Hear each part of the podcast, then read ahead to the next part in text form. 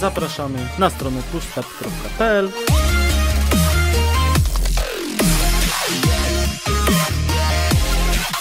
Halo, halo, dzień dobry, dobry wieczór. Witamy wszystkich bardzo serdecznie w dziewiątym już odcinku Push Restart, czyli segmentu podcastu Push Start, w którym standardowo jak co miesiąc opowiadamy, co tam u nas prywatnie, w książkach, w grach, w filmach i serialach.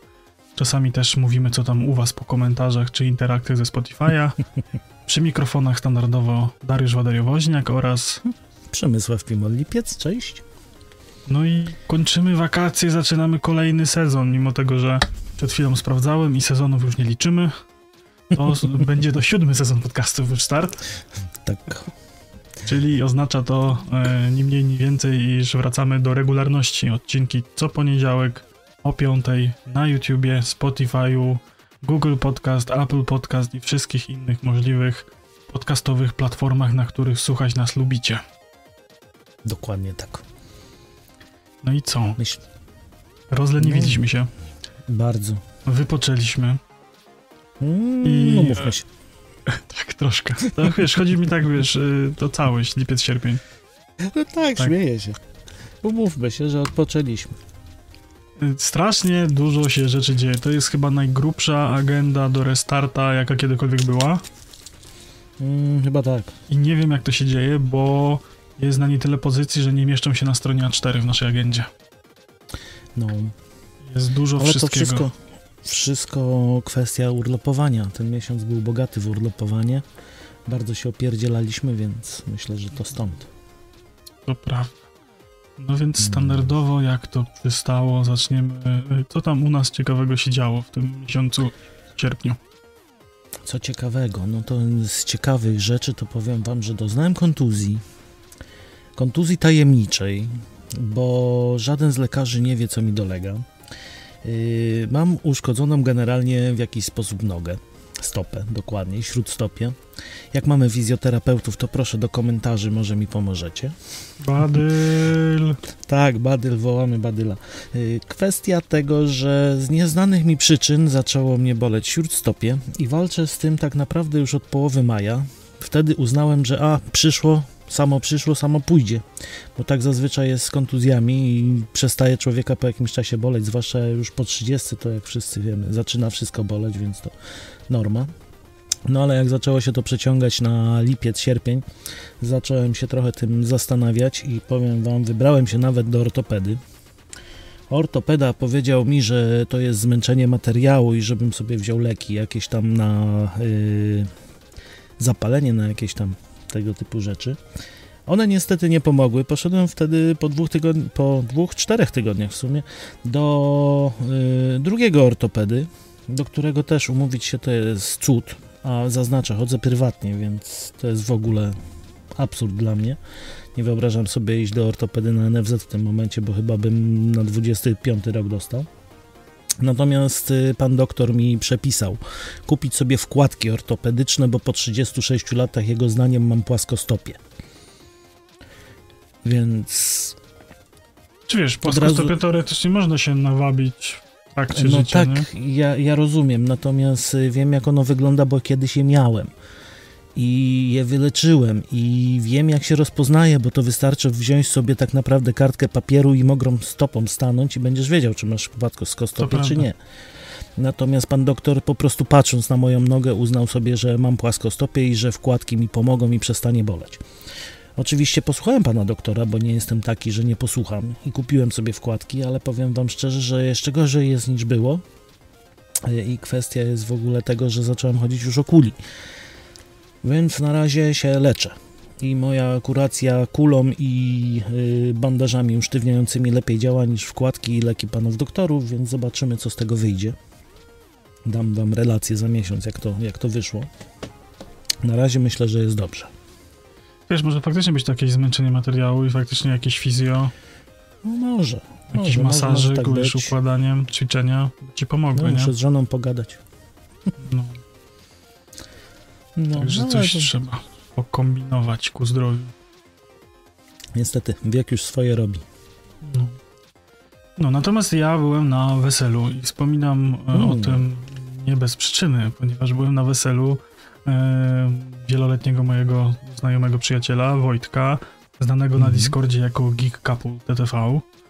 E, No i kurde, pozdrawiamy i jeszcze raz wszystkiego najlepszego na nowej drodze życia. W ogóle Wojtek streamuje czasami, więc wpadajcie do Wojtka na streamy.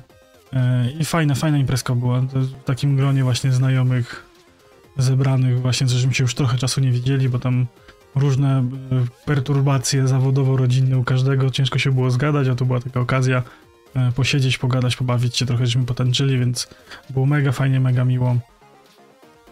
To fajnie. Bardzo sympatycznie. No oczywiście dołączamy się do pozdrowień wszyscy. Yy, No to ja mam drugo, drugą, drugą przygodę taką nieprzyjemną, wakacyjną, nazwijmy to, bo wszyscy korzystamy z usług prądzo, prądo, prądodawców, nie? Mhm. I kwestia tego, że u nas w domu jesteśmy rozliczani z odczytu, czyli przychodzi raz na trzy miesiące pan inspektor, otwiera se szafkę, czyta i se mówi, ile trzeba im dać, ile im zapłacić. I wyobraźcie sobie, że banda złodziei, nie nazwę tego inaczej, zrobiła taki myk, bo my mamy bardzo nieregularne zużycie. Zimą zużywamy bardzo dużo prądu, latem zużywamy bardzo mało prądu. I yy, panu inspektorowi chyba się nie chciało przyjechać do nas yy, i sprawdzić naszego stanu licznika, więc sobie uznali, zrobimy wam szacunek. I tak mi wyszacunkowali, że yy, musiałem oczywiście pod groźbą wyłączenia prądu zapłacić im kwotę taką, którą po yy, prawie trzytygodniowym tłumaczeniu, dochodzeniu, sprawdzaniu okazało się, że pokrywa mi cały rachunek za prąd do grudnia. Więc y, to jest masakra. Po prostu to, co to, co wymyślili sobie, to, co zrobili, to jest dla mnie absurd totalny i naprawdę nie wiem, jak tak można. No, troszkę to jest dramat, nie? Bo człowiek naprawdę, gdyby nie to, że mamy w miarę jakieś tam oszczędności, to myślę, że bym musiał zacząć jeść gruz i popijać to jakąś e, kałużanką, żeby po prostu przeżyć, bo inaczej nie wiem, co by to było. Ale przynajmniej masz do końca roku z głowy z rachunkami. Szczerze, wolałbym zapłacić normalny rachunek i te pieniądze przeznaczyć trochę inaczej. No Zainwestować jasne, że w coś, tak, no. zrobić, a nie, nie oddać im na to, że no fajnie, zapłacę wam za rok z góry za prąd. Nie, no pewnie, że tak. To taka trochę chujowa praktyka, no ale cóż, no. No ale powiem wam, że załatwienie czegokolwiek w ogóle w elektrowni to jest koszmar, bo y, na cztery oddziały w Łodzi, jak pojechałem załatwiać sprawę, wyjechałem o godzinie 9 rano, wróciłem o godzinie za 15.05 i w kolejce przede mną było 155 osób z podobnymi sytuacjami, więc To cieszę się, że macie cztery oddziały, bo w Kielcach na Kielce i na powiat kielecki y, jest jeden oddział, który obsługuje interesantów w takich sprawach. Jest tam więcej oddziałów takich handlowych, gdzie można sobie podpisać umowy i tak dalej, ale na Aha. kwestie reklamacyjne jest tylko jeden. I tam no, u nas są cztery dramat, na nie? wszystko. U nas są cztery na wszystko i załatwiasz w każdym wszystko. Więc jak przychodzisz podpisać nową umowę, to nie jest tak jak dla interesanta, który coś się chce dowiedzieć, że to No jest tak. 15 minut, tylko taki interesant sieci dwie godziny. No właśnie, nie? Więc tu kolejka jest kosmiczna i generalnie najlepsza sytuacja z tej wizyty całej to przede mną do okienka yy, podchodziła pani, która mi opowiadała, siedząc w kolejce, że ten pan, co tam siedzi, to siedzi już czwartą godzinę i próbuje wyjaśnić sytuację. Bo też No. założył sobie wol- fotowoltaikę i go obciążyli obciążyli Za- go za za fotowoltaikę, ale nie, Za- ale nie oddali mu za jego, za to, co wyprodukował. No cóż, cóż możemy powiedzieć? Idą wybory. Tak. Spójrzmy Tak, zasłoną idą milczenia na ten temat. Może... Nie poruszamy polityki, ale wiecie, co trzeba zrobić. Dokładnie. No natomiast e, rzeczy e, troszeczkę przyjemniejszych otrzymałem od e, Macieja, naszego Discordowego Maxiego, w którym Mhm. gramy Fortnite'a, serwer taki domowego, do, domowego laba. On sobie wymienił na nowszy i z stary mu, że tak powiem, zbywał, więc ja go z chęcią przygarnąłem, no i zacząłem się bawić serwerem. Jako takim urządzeniem. Wiecie, to nie jest, że tak powiem, y, jeżeli słyszycie serwer, to myślicie wielka szafa rak i tak dalej, ale to jest taki terminal y, zwany jednolitrowym, bo on jest takim małym urządzeniem. Y, On jest wielkości... no Kurczę, tak sobie szukam, co, co, co tam pokazać. On jest malutki, on jest faktycznie, to jest kwadratowe pudełko, prostokątne. Jak router. Tak, nawet mniejsze, router Każdy ma większy. router w domu. Tak, no, więc no nawet troszeczkę, troszeczkę, zależy jaki macie router. Ja mam, ja mam trochę większy router, w sensie wyższy, więc to jest malutkie urządzenie, ale ma sporo RAMu, ma 8 GB RAMu, tam jest jakiś y, i trójka chyba, no, Mm. więc całkiem spoko. Wsadziłem sobie tam dysk SSD y, terabajtowy, więc trochę miejsca mam i zacząłem się trochę tym bawić. Zainstalowałem sobie tam em, dystrybucję Linuxa zwaną Proxmoxem i to jest fajne urządzenie, bo jest to urządzenie, które służy do konteneryzacji i wirtualizacji innych rzeczy. Czyli mamy system operacyjny, który właściwie Mhm. działa sobie bezobsługowo. Nie mam do tego podpiętego ani monitora, ani klawiatura, ani nic. Stoi sobie Mhm. to w szafie obok routera e, i zdalnie do tego się łączę i za pomocą konsoli e, mogę sobie dodawać i właściwie nawet jest e, webowe e, UI do tego i mogę Mhm. sobie dodawać, e, tak jakby tworzę kontener, na którym instaluję konkretny system. No i na razie z takich zabaw e, postawiłem sobie tam serwer Minecrafta. Na ten moment Mhm. serwer Minecrafta działa tylko i wyłącznie w sieci lokalnej, ale pracuję powoli nad tym, żeby sobie go stunelować do, e, do zewnątrz, żeby, żeby można Mhm. było go udostępnić do grania. Więc jak mi się uda to zrobić, to będziemy grali sobie Minecrafta na serwerze moim. E, A uda mi się to zrobić, bo em, też się zacząłem bawić troszeczkę routerem. em, no, poszedłem w stronę Mikrotika i router OS-u, więc też mam troszeczkę tak jakby większe, większe możliwości zarządzania tym wszystkim. Na razie tego Mhm. się uczę, przypominam sobie część rzeczy, pamiętam część rzeczy, muszę sobie poodświeżać, bo dawno się takimi rzeczami nie bawiłem, więc e, całkiem spoko rzeczy. No i postawiłem sobie jeszcze Pyhola i spiąłem Mhm. e, przy pomocy routera całą sieć domową właśnie do Pyhola i ja cię sunę, troszeczkę mnie to przeraziło. Ja, wiecie, robiliśmy dawno, dawno temu taki odcinek, który bodajże nazywał się Czy twój odkurzacz cię szpieguje? Tak. I ja zasadniczo nie mam nic przeciwko, że tak powiem, szpiegowaniu mnie, bo dawno, dawno temu usłyszałem taką frazę na jakimś webinarze albo jakimś innym szkoleniu do, do spraw bezpieczeństwa w sieci, e, że jeżeli coś e, robisz w sieci, to traktuj to e, jako coś kompletnie publicznego, co dajesz po prostu na światło Mhm. dla, dla innych po prostu do, do, do, do spostrzegania, więc ja zasadniczo nie robię nic e, w internecie takiego, czego bym się gdzieś wstydził, wiecie. Nie mam jakichś takich sekretów, nie robię mrocznych rzeczy w sferze internetowej, e, których bym się bał, że ktoś odkryje. Mhm. Więc to szpiegowanie mnie jakoś tak bardzo nie przeraża, nie przeraża i nie przerażało mnie. e, Właściwie dalej mnie nie przeraża, ale jak sobie zobaczyłem, ile rzeczy jest blokowanych, jaki ruch jest blokowany na sieci i to taki, wiecie, ruch stricte szpiegujący, bo e, poza Pyhor, poza takim podstawowym narzędziem do blokady reklam w całym internecie domowym, e, ma jeszcze taką możliwość stania się, to się bodajże nazywa Unbound, narzędzie i ono powoduje, że ty, twój serwer Pyhol staje się twoim serwerem DNS. Czyli za Mhm. każdym razem, jak wpisujesz sobie www.pushstart.pl, to w twoim Mhm. przypadku, jeżeli masz normalnie internet, to zapytanie o pushstart.pl idzie do twojego dostawcy internetu. On ma serwer DNS, który Mhm. sprawdza, jaki to jest adres IP serwera i co na tym serwerze siedzi, i wysyła do twojego komputera odpowiedź, że stary, idź na ten adres IP, tam jest to, czego szukasz. Mhm. A ja mam to zrobione tak, że nie idzie to do, do dostawcy internetu, tylko idzie to do mnie, u mnie jest zapytanie, u mnie jest odpowiedź i kieruje się bezpośrednio na serwer. Czyli Mhm. omijam tak jakby możliwość wpięcia się po drodze w ten łańcuch informacji. Mhm. Czyli wiesz, nikt y, na przykład y, nie podstawi serwera po drodze, który powie, że ej, idź na ten adres, nie? I tam jest na przykład coś Mhm. szkodliwego. Mhm. Więc to jest takie zabezpieczenie. Wgrałem sobie tam ze struktur NASku i bodajże chyba głównie ze struktur NASku sobie wgrałem właśnie bazę tych e, serwerów DNS-owych, co tam jest, e, czego odpytywać, więc powiedzmy czuję się pod tym względem bezpieczny. tak, i nie robiłem tego, znaczy tak, to jest głównie eksperymentalnie, no i głównie po to, że coraz częściej już dzieci zaczynają gdzieś tam korzystać z internetu, nie? Gdzieś tam powoli Mhm.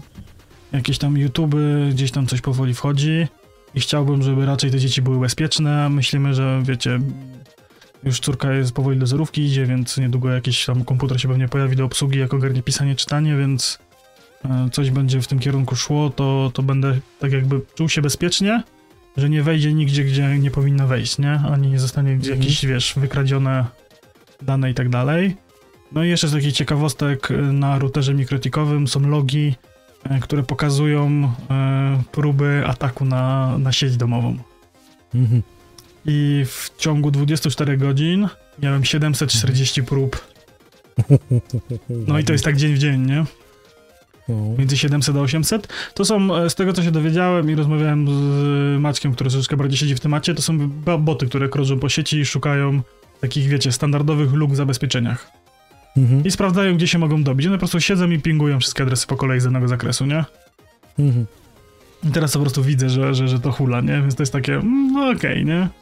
No jest właśnie jeszcze z, taki, z takich właśnie ciekawostek, jak sobie na bieżąco sprawdzę, no to na przykład dzisiaj miałem e, w całej mojej sieci domowej 21 tysięcy zapytań do, do serwera DNS, Mhm. czyli gdzieś tam 21 adresów było odwiedzanych, e, z czego 7,5 tysiąca było zablokowanych, bo było szkodliwych. Aha. I to mówimy, mówimy tutaj, wiecie, o tych wszystkich programach szpiegujących, które gdzieś tam nas śledzą i tak dalej.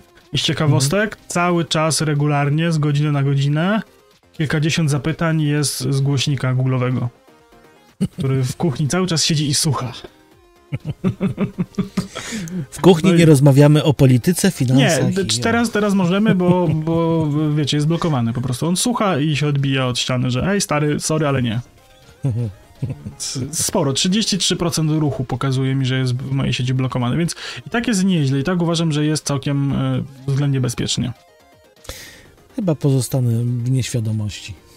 Nie, to jest, tak wiecie, to jako taka ciekawostka po prostu, tak jak mówiłem, zasadniczo jakoś się nie boję, bo nie robię nic takiego w sieci.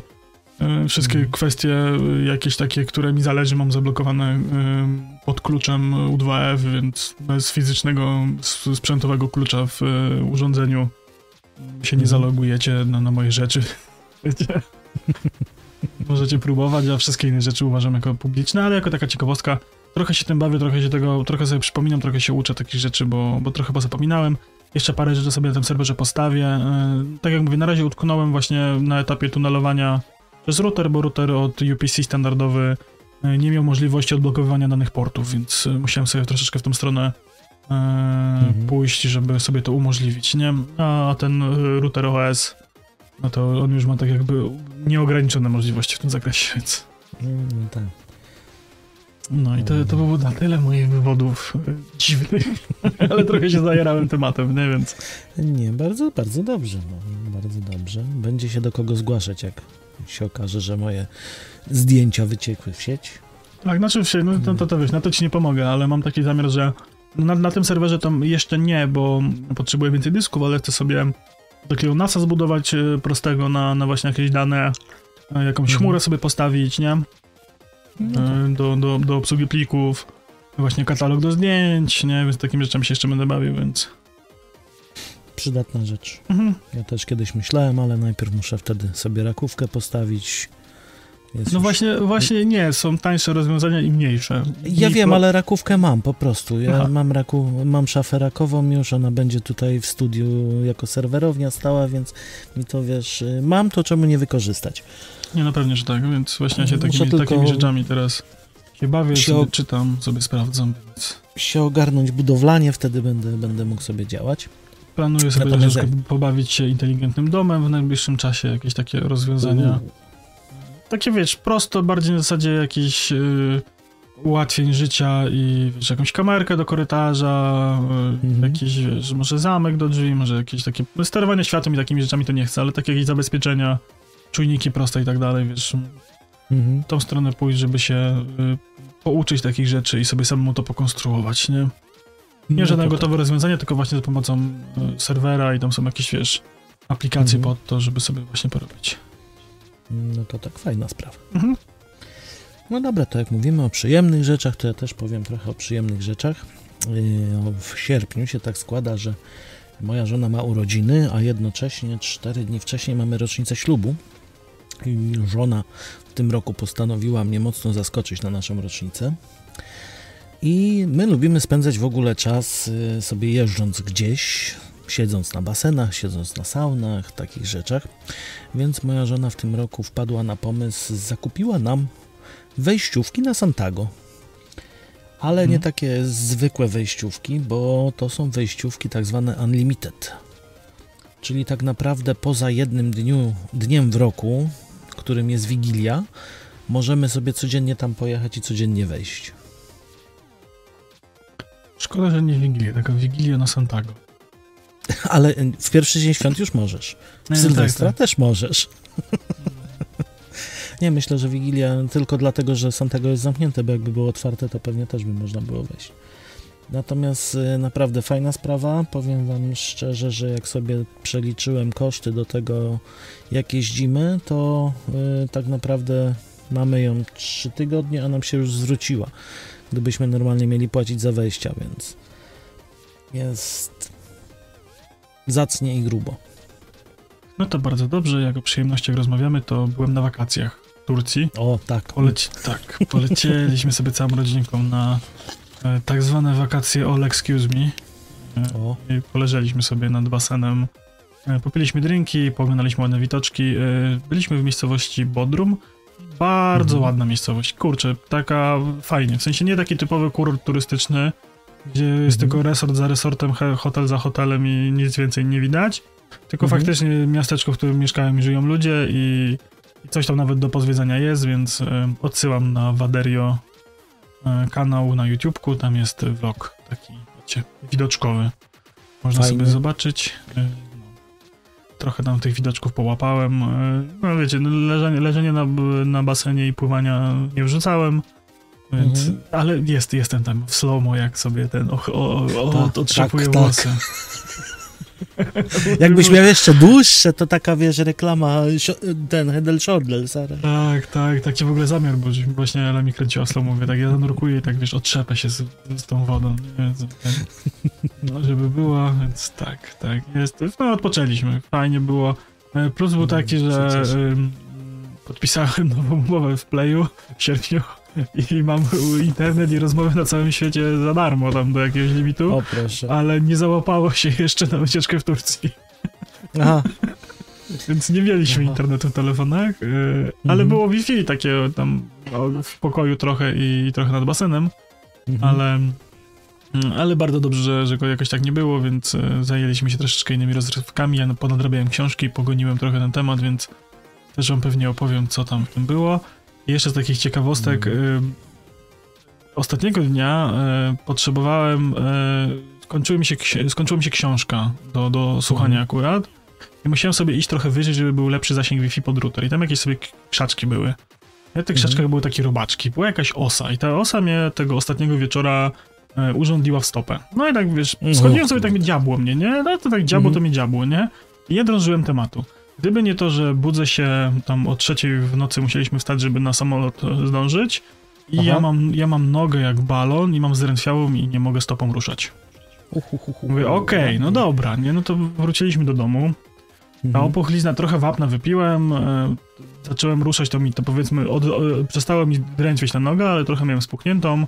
Bolało Mhm. jak jasny skurczysyn, jakby mi ktoś wbijał w kość rozszerzony gwóźdź. E, Mhm. No i tak sobie mówię, okej, no dobra, sprawdźmy co tam w tej Turcji jest. No i sobie po- pogooglowałem niebezpieczne robaczki, no i okazało się, że jest jakaś osa azjatycka czy śródazjatycka, która Mhm. w e, samej Turcji zabija rocznie 40 osób. O. Ja mówię, kurde, jak dobrze, że to dzieci nie, nie ugryzło, tylko mnie. No, ładnie. Bo ona ma jakąś neurotoksynę, która właśnie powoduje odrętwienie, nie? E, I Mhm. właśnie reakcją alergiczną na, na tą neurotoksynę jest śmierć.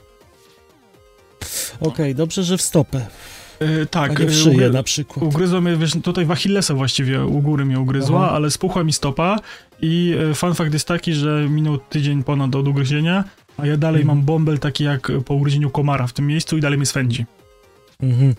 Ale już mi opuchlizna zeszła. No to tyle dobrego, no. Z kim ja bym nagrywał, gdyby cię osa zadziubała? Ale to byłaby w ogóle taka poetycka śmierć, nie? Pojechał na wakacje, ugryzła go osa, umarł. Bardzo poetycka. No także uważajcie na siebie, bo nie wiadomo, co was może Tak. możecie trafić. Jedziecie na wakacje, jedźcie gdzieś, gdzie nie ma robactwa. No, jest jest taka, taka dziwna sytuacja.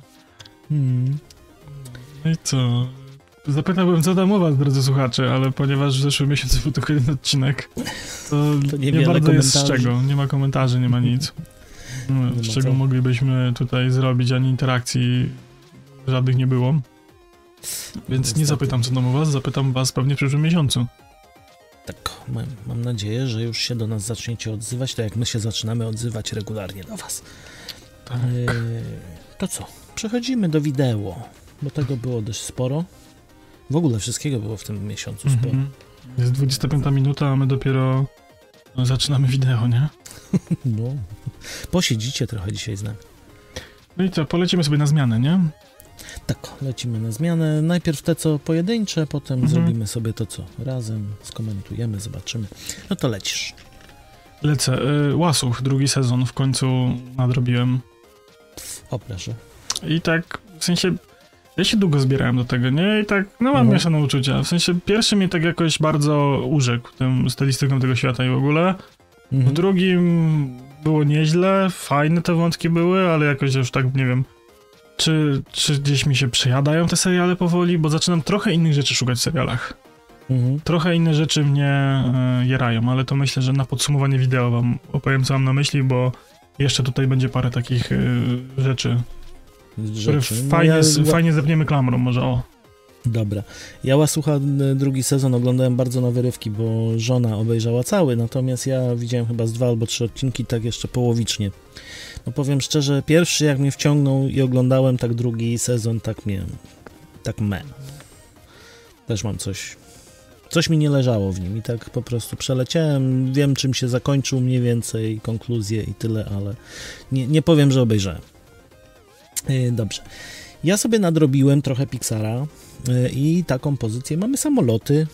Powiem wam szczerze, nigdy wcześniej nie obejrzałem samolotów. Gdzieś tam słyszałem, wiem, że to się działo w yy, uniwersum aut Mhm. i fajnie, fajnie jest zrobione, bardzo mi się podoba. Co prawda nie lubię tego, co Pixar robi, jeżeli chodzi właśnie o tą całą serię, że bardzo zmienia koncepcję sam, samego zamysłu, co się z nimi dzieje. Tak jak w autach mieliśmy najpierw wyścigi, potem nagle się stał tajnym agentem. Tak, tu był sobie samolot, który był wyścigowy i nagle jest y, pożarniczy. No, y, Okej. Czy Wałtek to było bardziej spięte, bo tam nie on był agentem, tylko złomek był agentem przez No tak, przypadek. no tak, tak, tak. No on dalej okej. się I ścigał, W nie? sumie tak. On się dalej ścigał i później też się ścigał w następnych częściach. No okej, a tu jest takie bardzo, bardzo duży zwrot akcji. Natomiast jest szansa na to, że będzie się dalej się ścigał, o ile zrobią kiedykolwiek trzecią część. Nie, nie zrobią, bo y, to jest seria, która powstała tylko i wyłącznie z myślą o VHS-ach i DVD. Nie było w Aha. kinach, to miał Mhm. mniejszy budżet i chciało y, troszeczkę na fali aut polecieć. To było po pierwszej, po pierwszej części aut. I nie pykło i Mhm. wrócili potem do serii auta. No, no widzisz, no, ale bardzo fajnie zrobione. Mi się, szkoda mi trochę, że nie, nie pociągną dalej. Bo mi się Mhm. podobało. No ale ja jestem dziwny. Dobrze, ja oglądałem y, Spidermana poprzez multiversum. E, I Mhm. przy okazji odświeżyłem sobie najpierw y, y, to y, multiversum po prostu chyba, tak się nazywała ta pierwsza część? Mhm. Tak, i potem poprzez multiversum żeśmy obejrzeli z Kubą, e, no i ze, ze Staszkiem, bo Staszek lubi Spidermana. I O, kurde, ja cię sunę, jak mi się podobało. W sensie, y, trochę mam taki do tego jeden zarzut, że Mhm. y, całe, mam wrażenie, konstrukcja scenariuszowa była mocno serialowa. Y, cały Mhm. film był w konwencji odcinka serialu i on się skończył tak, Mhm. jakbyś mógł zaraz nas, mógł puścić sobie kolejny odcinek serialu. Aha. W ogóle rozwlekli wszystkie możliwe wątki, Mhm. E, i nie zamknęli żadnego, zostawili wszystkie otwarte z myślą, że będzie kolejna część. Takie Aha, wiesz, to nie to- jest tak, że e, ja z reguły w filmach, nawet jeżeli one mają 7 części, 5 części, 3 części, 2 części i tak dalej, i Mhm. nawet jeżeli reżyser od samego początku ma zamysł na powiedzmy trylogię, czy tam jakąś głębszą sagę, to i tak każdy film, jak sobie wyrwiesz go, e, tak jakby z, z list spółki sobie go weźmiesz, nie? To on jest Mhm. zamkniętą historią, a tutaj nie. Mhm. Tutaj, wiesz, idzie sobie fabuła, on jest strasznie długi, jest bardzo, no artystycznie to jest majstersztyk moim zdaniem, nie? I fabularnie Mhm. też, w ogóle te emocje, które się tam dzieją, to, że on jest w ogóle y, bardzo poważny, bardzo dojrzały, bardzo trudne tematy porusza i tak dalej. Mhm. E, w ogóle czego się nie spodziewałem, bo teoretycznie bajce dla dzieci, tak na pierwszy rzut oka. No. to nagle w pewnym momencie sobie oglądasz, oglądasz, nie? I nie czujesz tego upływu czasu, nie? I nagle masz napisy końcowe i tak siedzimy z Kubą i takie mamy ty, what the fuck, nie? Ale jak to? Że teraz, nie? W ogóle No. otworzył się jeden, drugi, trzeci wątek na 5 minut przed zakończeniem. Patrzymy Mhm. na zegarek, minęło tam prawie 2,5 godziny, nie? I, a, Mhm. a, ale jak, nie? Więc Aha. to taki, taki minimalny zarzut, że za bardzo poszło to odcinek serialu, który trwa dwie godziny ponad, nie? No, Okej, rozumiem. A powiedz mi, to jest już w tym? W E, To jest na, na płatnym wodzie. No, na płatnej wodzie. No, Mhm. tak mi To jeszcze jest tak, wiesz, tam za 9,99, tam za 13,99 No wiem, wiem, wiem, wiem o co chodzi. dostęp kupić, Dobra. nie? Mhm. Dobrze, ty masz Spidermana, to ja mam szmirę, wielką szmirę, którą też kiedyś widziałem, że jest, wypatrzyłem ją przeglądając sobie co obejrzeć na Disneyu. Dragon Ball Evolution. Matko jedyna, co to jest? To jest nawet gorsze od awatara tego Airbendera, który był kiedyś też yy, wersją aktorską zrobiony. To jest po prostu tragedia. Nie dość, że mamy teoretycznie historię Goku, Piccolo i tam y, całej ekipy, Rany To- boskie to jest aktorskie. tak, aktorskie, ale żeby było śmieszniej, to się w ogóle kupy nie trzyma. To nie opowiada tej historii, to nie Ej, opowiada ale nic. to na, to na screenach wygląda źle. To jest bardzo złe. To wygląda jak te takie głupie parodie, Meet My Spartan i, i tak dalej. Te nie, to jest bardziej filmy. zrobione tak jak y, w Bollywoodzie, powiem ci. Ja mam takie wrażenie, że to jest bardziej Bollywood niż... Nie wiem, ja widzę, widzę to stop klatki na Google Grafika i rany boskie, aż mi dreszcz przeszedł. Nie, powiem szczerze, jeżeli jesteście fanem Dragon Balla i chcecie sobie zrobić krzywdę, jesteście masochistami, to to obejrzcie. W każdym innym przypadku nawet na to nie patrzcie. To był mój głupi eksperyment, moja głupia ciekawość i zrobiłem to za was, żebyście wy nie musieli. Okej, I tak to skomentuję. dobrze, to ja znalazłem perełkę, arcydzieło i creme de la creme. Jak ja się cieszę, że dopiero teraz to znalazłem, bo są Mhm. tego na Disney Plusie dwa sezony i mówimy U. o serialu The Bear. Mhm. To jest właśnie coś, czego ja zaczynam ostatnio szukać w szeroko pojętej kinematografii, czy serialowej, czy filmowej. Bo Mhm. to, jest, to jest serial, e, tam pierwszy sezon to jest chyba tam z rok temu, czy ze dwa, ze dwa lata temu nawet wyszedł i w tym roku wyszedł drugi sezon tego. I to jest Mhm. historia chłopaka, który e, dostaje w spadku po bracie, który popełnia samobójstwo, restaurację. Mhm. I e, taką budę w Chicago sprzedającą kanapki. Mhm. Restauracja jest duże słowo, ale tam jest pełnoprawna kuchnia, oni tam jakieś wydają klancze, kanapki i coś tam jeszcze. I ta Mhm. knajpa jest w tragicznym stanie technicznym i w ogóle pod każdym, a chłopak y, jest y, gościem, który prowadził najbardziej utytułowaną restaurację w Nowym Jorku i zdobył trzy gwiazdki Michelin chyba. Albo, no w ogóle zdobył, zdobył, gwiazdkę. Michelin albo więcej. Mhm. I on e, stwierdza, że jego marzeniem zawsze było pracować w tej knajpie, ale brat mu nie pozwalał. Dlatego on pojechał pracować do Nowego Jorku i pracował w takiej restauracji, że jako szef kuchni zdobył te gwiazdki Michelina, nie? Mhm. I e, to jest w ogóle dramat, e, który jest śmieszny trochę, trochę jest e, straszny, trochę jest taki dramatyczny, jak, jak to dramat, nie? Ale Mhm. ta historia jest bardzo dobra. Te postacie są mega zarąbiście zarysowane, bo oni są, wiecie, tam to jest klimat Chicago, więc jest tam wujek rodziny Cicero, który jest e, ewidentnie, kurczę, gangsterem i lichwiarzem i w ogóle takim, wiecie, wannabidonem, nie? Ale to jest w ogóle, schodzi to na taki subtelny plan, żeby przypadkiem nie pokazać, że to jest jakaś tam pseudoorganizacja przestępcza, nie? Że on w tym siedzi, ale on Mhm. pożycza ludziom pieniądze, łamie nogi, wiesz, takie, jest, takie smaczki, nie? No i się okazuje, że ten jego brat to pożyczył kupę kasy od tego wujka e, przed śmiercią, nie? No i teraz on musi tą kasę oddać i tak dalej, nie? Tam są jakieś tego typu, jakieś tam e, dealerki, ta, wiesz, taka wielka włoska rodzina, e, oni tam jakieś, wiesz, e, grille, imprezki i tak dalej, każdy każdego zna, jak to wiecie, w takich klimatach trochę właśnie rodziny Soprano może, takie wiecie, na, na tym zapleczu, Mhm. te relacje rodzinne ich, a cała akcja właśnie dzieje się w kuchni, przy kuchni i tak dalej. On ma tam swoje problemy psychiczne ze sobą i tak dalej. I jest tam bardzo dużo takich kadrów i scen, ja to nazywam takim kuchennym ASMR, bo są bardzo ładnie nakręcone obrazki na to, jak oni gotują w tej kuchni, na dźwięki, które panują w kuchni podczas gotowania Wiecie, na Mhm. przykład, wiesz, jest jakaś tam, że y, jest godzina lunchu, oni wydają ten, jest cały chaos. Lecą kurwy, chuje, przeklinają, krzyczą na siebie, kłócą się, jest rzucanie patelniami, y, pryskający olej i tak dalej. I jest to wszystko Mhm. na takich długich ujęciach nagrane, jakby faktycznie koleś z kamerą stał w prawdziwej kuchni i nagrywał, co się dzieje, nie? Mhm. Więc wygląda to mega miodnie. A do tego na przykład są takie wstawki, że y, projektują jakieś danie do menu y, i jest pokazane właśnie takie typowe SMR. Wiecie, jak kroją, jest czop, czop, czop, czop, czop, czop, czop, wiesz, wszystko jest pokazane smażenie w totalnej ciszy, tylko dźwięki tego i jest to tak pięknie, estetycznie nakręcone, że to się w głowie nie mieści. To jest cudo, co się tam, tam jak to jest pokazywane. Wieczorem sypiasz głodny, tak? Nawet nie, że głodny, nie? Bo to nie jest tak, że y, wiesz, y, to jest trochę co innego niż program kulinarny, że oni wiesz, pokazują ci, co jest, tylko wiesz, cały ten proces Mhm. przygotowywania, nie? To to Ale na dzieje. mnie to działa zawsze właśnie, Tak? że chce mi Aha. się jeść i to jest tak, że jak jeszcze do tego są tylko dźwięki, to zaraz mam tak, no kurde, coś bym zjadł. I były takie odcinki, że tyle się działo, wiesz, y, że byłem normalnie zmęczony, jak ja bym na tej kuchni pracował. Po Mhm. obejrzeniu odcinka. Miałem takie w głowie, że mówię, o jacie, nie? Że, że to solidnie, więc y, naprawdę jest cudownie nakręcony. Są, jest właśnie fajna gra świateł, fajna gra cieni, aktorsko też jest dobrze. Jest to super, super, super, super. Jeszcze raz super polecam każdemu. No to chyba mnie przekonałeś, ale to będę oglądał w dzień, żeby nie chodzić głodnym. Dobrze, ja mam y, też takie odkrycie swoje, bo przez przypadek w sumie na to wpadłem. Predator, ale z 2018 roku.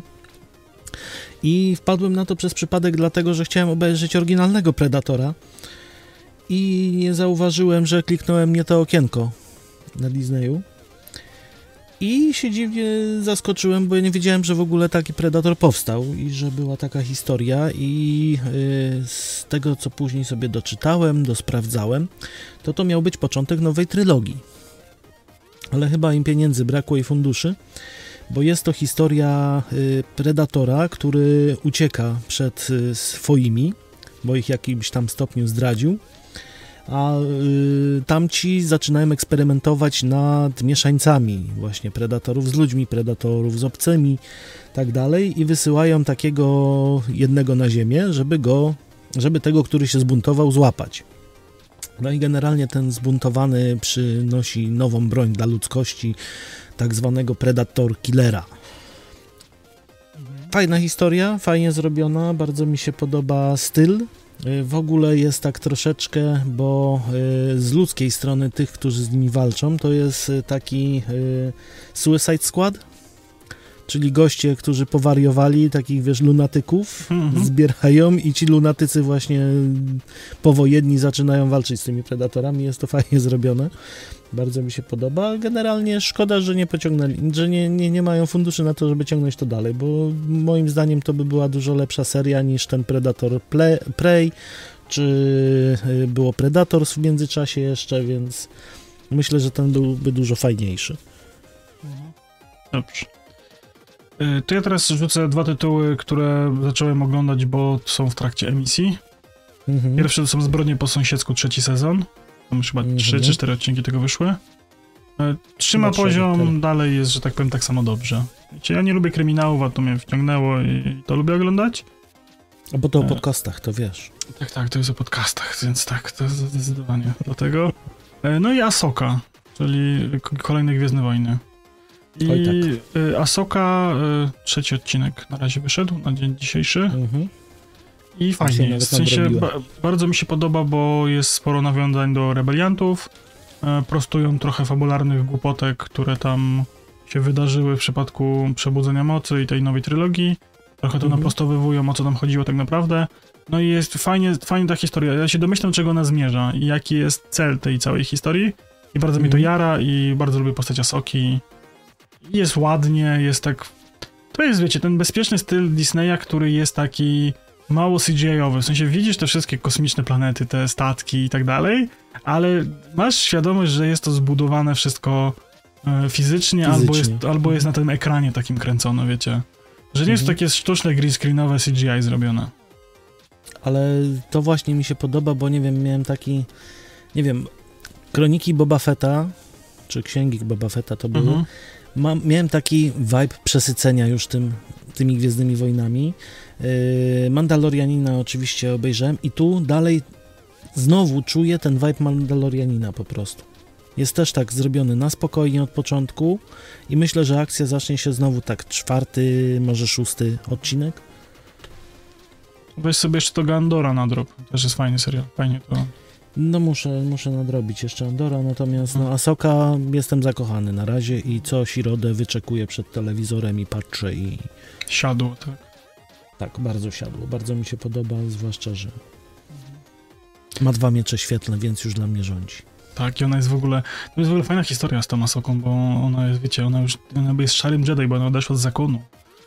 I ona te miecze świetlne swoje, to ona ma po Inkwizytorze. One kiedyś były czerwone, ale ona oczyściła kryształy ze złej mocy i dlatego są białe. Mhm. No i w ogóle jej tym masterem był przecież Anakin, nie? Tak, tak, tak, Anakin był masterem, no.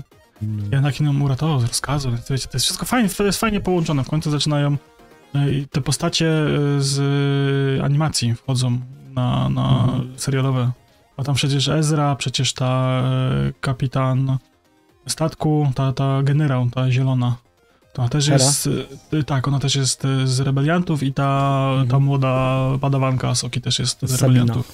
Sabina. No. Sabina, tak. Mi się, mi się kojarzy i pamiętam, bo kot ma u mnie tak na imię. Jest to nawet chyba zapominam imię, także wiecie. Ja Mm. kojarzę, że w Gwiezdnych Wojnach jest tylko Anakin i Obi-Wan. Joda jeszcze był, wiesz? Pamiętasz? a, no Taki tak, zielony, no tak. mały. No. Dobra, jak mówimy o zieleni, no to mamy też kolejną produkcję od Disneya. Raja i Ostatni Smok, czyli tak w moim spojrzeniu to jest bardziej, nie wiem, Mulan, ale taka trochę na sterydach. Bardzo fajna animacja opowiadająca właśnie o świecie, który poprzez magię smoków i tak dalej został y, uratowany przed złem. I oczywiście to zło powraca na ziemię i nasza bohaterka musi je odzyskać, tam jednocząc kilka narodów. Bardzo fajnie się ogląda, bardzo fajny przekaz dla dzieciaków, myślę. Z dzieciakami można obejrzeć, ale dorosły też się nie będzie nudził. Ja właśnie zastanawiam, czy to oglądałem, czy tego nie oglądałem, ale nie wiem. To jest y, zrobione trochę tak śmieszkowo, trochę jak My Little Pony, z tym mi się bardzo kojarzyło.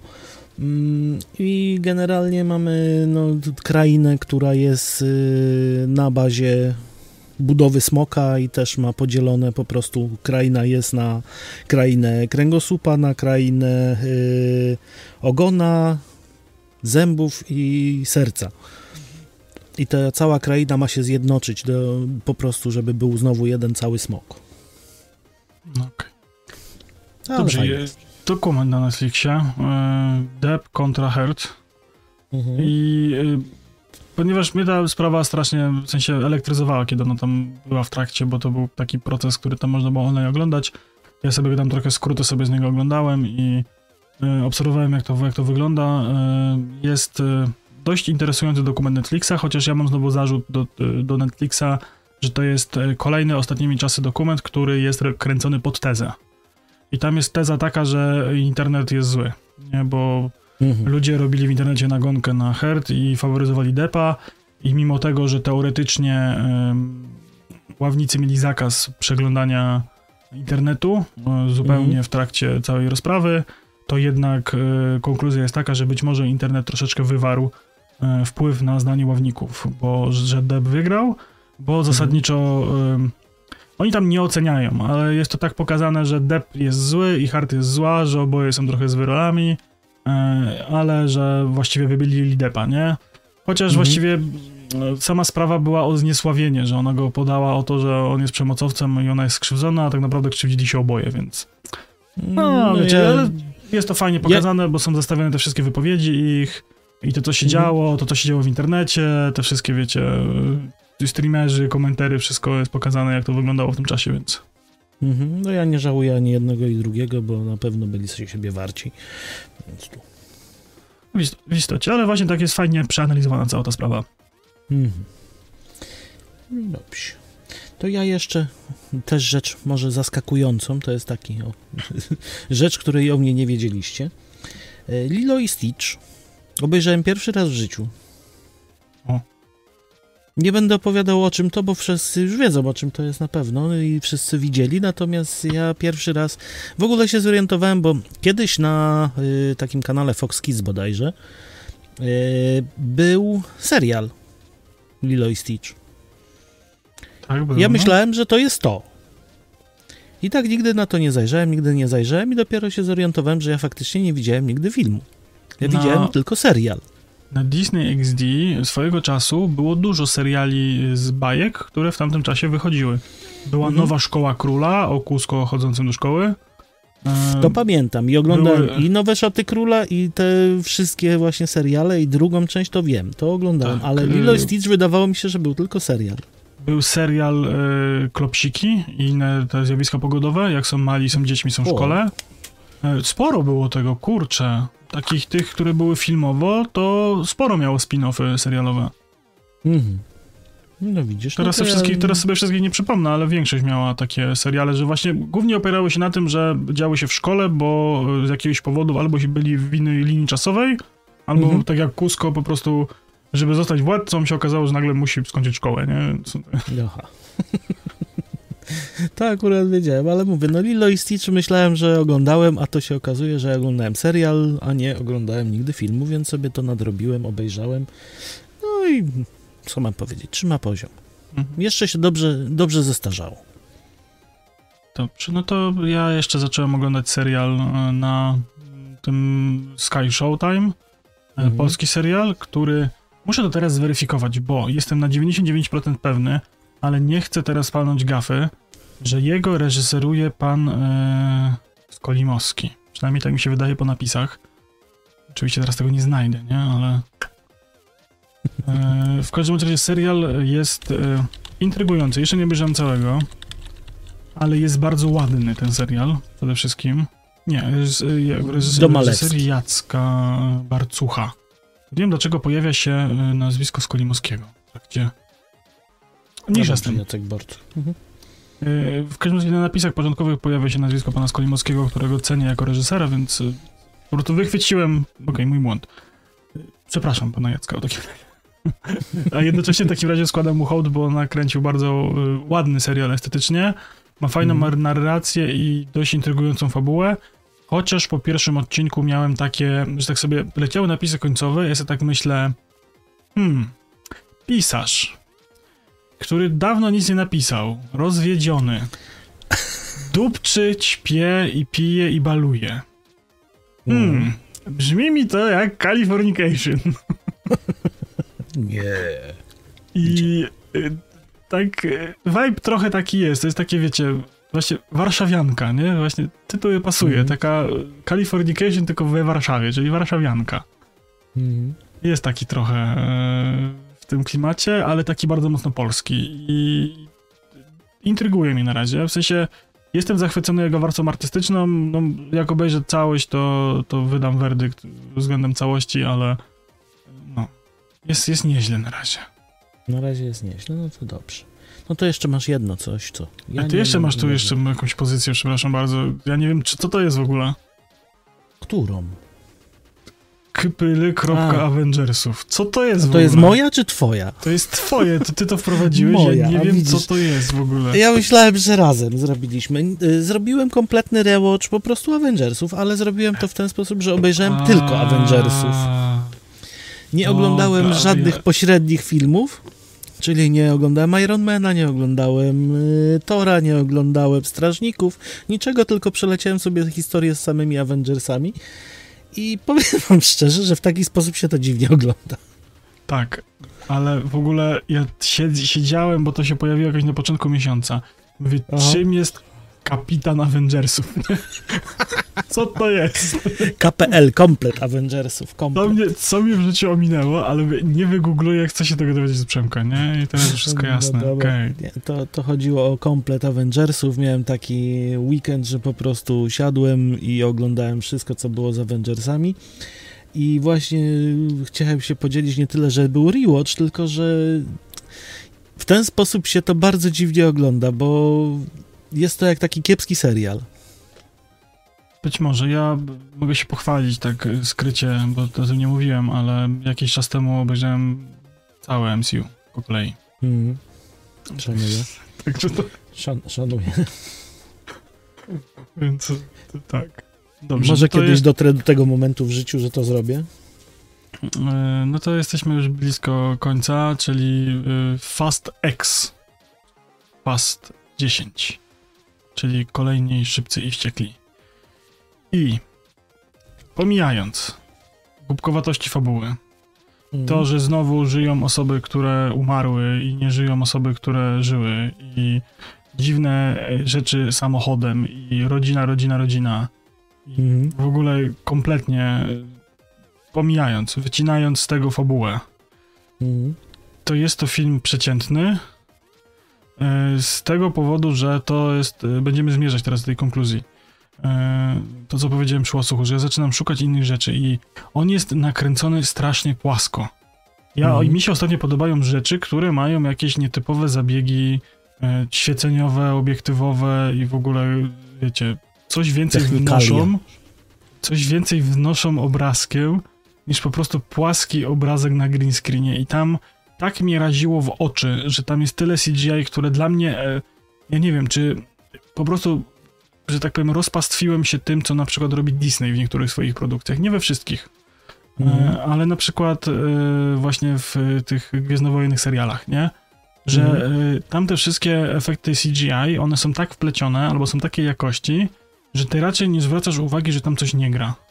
Że to Mhm. jest sztuczne. Grafika komputerowa powoli też zaczęła już wchodzić na taki poziom, że jak coś odstaje od tego najwyższego poziomu, to wygląda dziwnie. I tam jest dużo takich e, scen w tych samochodach, że tam się dzieją dziwne rzeczy i ty widzisz, że to jest grafika komputerowa i to taka nie najwyższych lotów.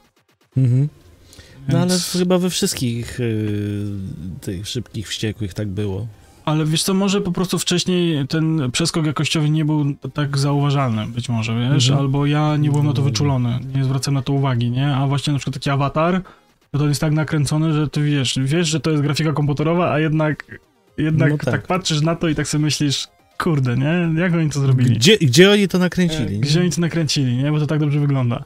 A tam jednak, wiesz, masz te takie proste efekty w stylu wybuchów i jakiejś tam e, akrobacji samochodem i nagle Mhm. jest, wiesz, jedzie samochód, który jest nakręcony w 4K i ładnie to Mhm. wygląda i jest prawdziwym samochodem, po czym nagle po cięciu widzisz, że to jest tam Need for Speed y, Fast X, nie? I tak, aaa! No tak. No bo tak. No to jeszcze mamy Strażników Galaktyki chyba oglądałeś i ja oglądałem Tak. jeszcze raz też. tak oglądałem, oglądaliśmy. Yy, powiem, podobał mi się. Natomiast yy, jak lubię zwierzątka, wszystko, to trochę nie rozumiem yy, teraz tych płaczy na zaraz po premierze, jakie były, że to jest najsmutniejsza historia o zwierzątkach, tak dalej. No, Trochę Nie wiem, no- jest. no jest trochę, no ale nie jest aż w takim stopniu. No ja, wiesz, pewne rzeczy rozumiem, no ale Ale weź Nie. sobie zepnij postać ca całego Roketa na przestrzeni wszystkich Strażników Galaktyki, Avengersów, Torów i w czym występował. I weź sobie No. go zepnij do tego, jaki on ma background, jego historia. no dobra, no. W takim, To w jest- takim, w takim kontekście jest no dobra. smutne, nie? I Wiesz, że w ogóle cała koncepcja tych, wiesz, tych yy, stwórców, nie? Że oni te planety Mhm. i, i kasujemy, nie? Kurczę, straszne. Tak. Planetka No okej, furasków. No planetka furasków A. była bomba, natomiast y, co chciałem jeszcze wspomnieć, bo też mnie zastanowiło i czego się doszukiwałem w ogóle w filmie, bo też słyszałem, że historia jest smutna o Grucie. I się w ogóle nie doszukałem historii Gruta tam. Jej chyba tam nie ma. A to ja nie słyszałem, żeby na was smutno o Grucie. No ja gdzieś tak wyczytałem i właśnie tak mnie zastanawia, czy to ja coś po, po, pokiełbasiłem, czy po prostu coś przeoczyłem w tym filmie. Natomiast więc- generalnie z takich ciekawostek o Grucie mogę wam powiedzieć tyle, że y, do, dokopałem się gdzieś właśnie szukając informacji y, z samego uniwersum, że to nie jest już ten Grut, który był, tylko to jest jego syn. No tak, no bo on przecież się w pierwszych ga- y, strażnikach rozpadł. Ja wiem, tylko myślałem, że się po prostu odrodził. Mm. A oni się tak po prostu rozmnażali. Tak, tak, tak, tak, tak było. No. To teoretycznie mógł tam więcej grutów powstać. E, Mhm. Dobrze, mniejsza o większość, czy większa o mniejszość. E, Podsumowując wideo, to jest, zepnijmy teraz w klamrę to, co powiedziałem na początku. ja zacząłem właśnie ostatnio być trochę wybredny względem treści wideo i być może wynika to z tego mojego przesycenia, że e, ostatnie lata były bardzo e, pokaźne pod względem właśnie seriali, które dostawaliśmy i e, przestałem oglądać wszystko jak leci. Był taki moment w moim życiu, Mhm. że ja byłem na bieżąco, fakt, że wtedy trochę tych platform streamingowych było mniej, ale byłem na bieżąco, że tak powiem, z ramówką. Okej. No myślę, teraz jest trudne. Teraz jest y, trudne, teraz mi się nie chce i teraz jestem wybredny, szukam rzeczy, które są dla mnie ładne wizualnie, Mhm. atrakcyjne fabularnie. Kiedyś po prostu, okej, oglądałem jak leci, nie zwracałem uwagi, fabuła, ważne było, żeby to była tematyka, która mnie interesuje. Mhm. A teraz zacząłem trochę eksperymentować y, z tematyką, która mnie interesuje. Mhm. Otwieram się na nowe, na nowe, wiecie, pola fabularne. E, A bardziej liczy się dla mnie to, jak ten obrazek wygląda, żeby miał przyjemność z niego oglądania i właśnie takie rzeczy jak Fast X i e, właśnie łasuch i tak dalej, które mają taką prostą, bezpieczną e, kamerę. Przestaje mi się Mhm. to podobać. W sensie takie rzeczy dla mnie były fajne. Ogląd, oglądam sobie trochę starych rzeczy też. Raz na jakiś czas właśnie jakieś starych filmy oglądam i tak dalej. I, I wiecie, jak sobie patrzymy, wiecie, na przykład na szeregowca Ryana, czy tam Zieloną Milę, Foresta Gampa i tak dalej, to one gdzieś tam powiedzmy pod tym względem kręcenia e, mają jakieś fajne, ładne kadry, nie? No Coś tam z tego... nas w swoich czasach były też przełomowe, no to też mają No właśnie, fajne... ale wiesz, jakieś widoczki, jakieś fajne kręcenie, wszystko, wiesz, to jeszcze też było, że to było kręcone na taśmie i tak dalej, nie? Ale wiesz, było, Mhm. było to z jakimś takim pomysłem zrobione. A mam wrażenie, że teraz te wszystkie duże blockbustery, no poza powiedzmy Marvelem, Marvelem tak? No bo Mhm. Marvel ma ostatnio gorsze chwile, więc jego może nie oceniajmy. Ale zasadniczo właśnie te wszyscy szybcy i wściekli, czy jakieś tam inne te topowe filmy, to mam wrażenie, że one są po prostu kamera na statywie, czy tam na, na wózku, nie? I kręcimy. Zwykły, najzwyklejszy, prosty obraz, nie? Nic tam Mhm. się nie dzieje, już pomijając, wiecie, kwestie sprzętowe, nie? Ale wszystko musi być dobrze oświetlone, równomiernie i ładnie. A ja właśnie lubię grę światłem, cieniem, gdzieś jakieś kolorki, jakieś właśnie, a może jakieś dajmy obiektyw, yy, jakieś wiecie na makro, a może jakieś zmiennoogniskowa, żeby coś coś podziało, jakieś anamorficzne, rozmite krawędzie, flary, nie? Lubię Mhm. takie rzeczy, lubię się tego dopatrywać i, i sprawia mi to przyjemność, jak obrazek jest taki mega estetyczny, nie? W sensie, yy, jak sobie zrobisz stopklatkę, to mógłbyś sobie zrobić tego tapet na, na komórkę czy na komputer, nie? To ja Okej. wtedy jestem ukontentowany i właśnie ostatnio mam takie e, przemyślenia względem wideo. Nie, to ja jestem dalej, dalej szarym, zwykłym oglądaczem, natomiast generalnie mam problem, bo brakuje mi już y, rzeczy, które by mnie bardzo interesowały do obejrzenia. Cieszę się, że Asoka weszła, bo tak to mm, przestaje mieć co oglądać. Ja właśnie wyszukuję teraz takie jakieś dziwne rzeczy, właśnie tylko DBR, nie, jakieś takie, Mhm. szukam, szukam, eksploruję, nie? Niektóre rzeczy odpuszczam po 5 minutach, więc pożyjemy, zobaczymy jak to będzie. No dobra, Teraz 58 nas- minuta, przechodzimy do gier. Poczekaj, poczekaj, teraz nas czeka kryzys, wiecie, strajk scenarzystów był, więc Tak. teraz będzie kryzys w przyszłym roku na pewno serialowy. No już go odczuwamy, bo też y, chociażby z tego co słyszałem, Fallout jest przesunięty, są przesunięte y, inne duże produkcje, więc trochę poczekamy. No to gry. No to gry.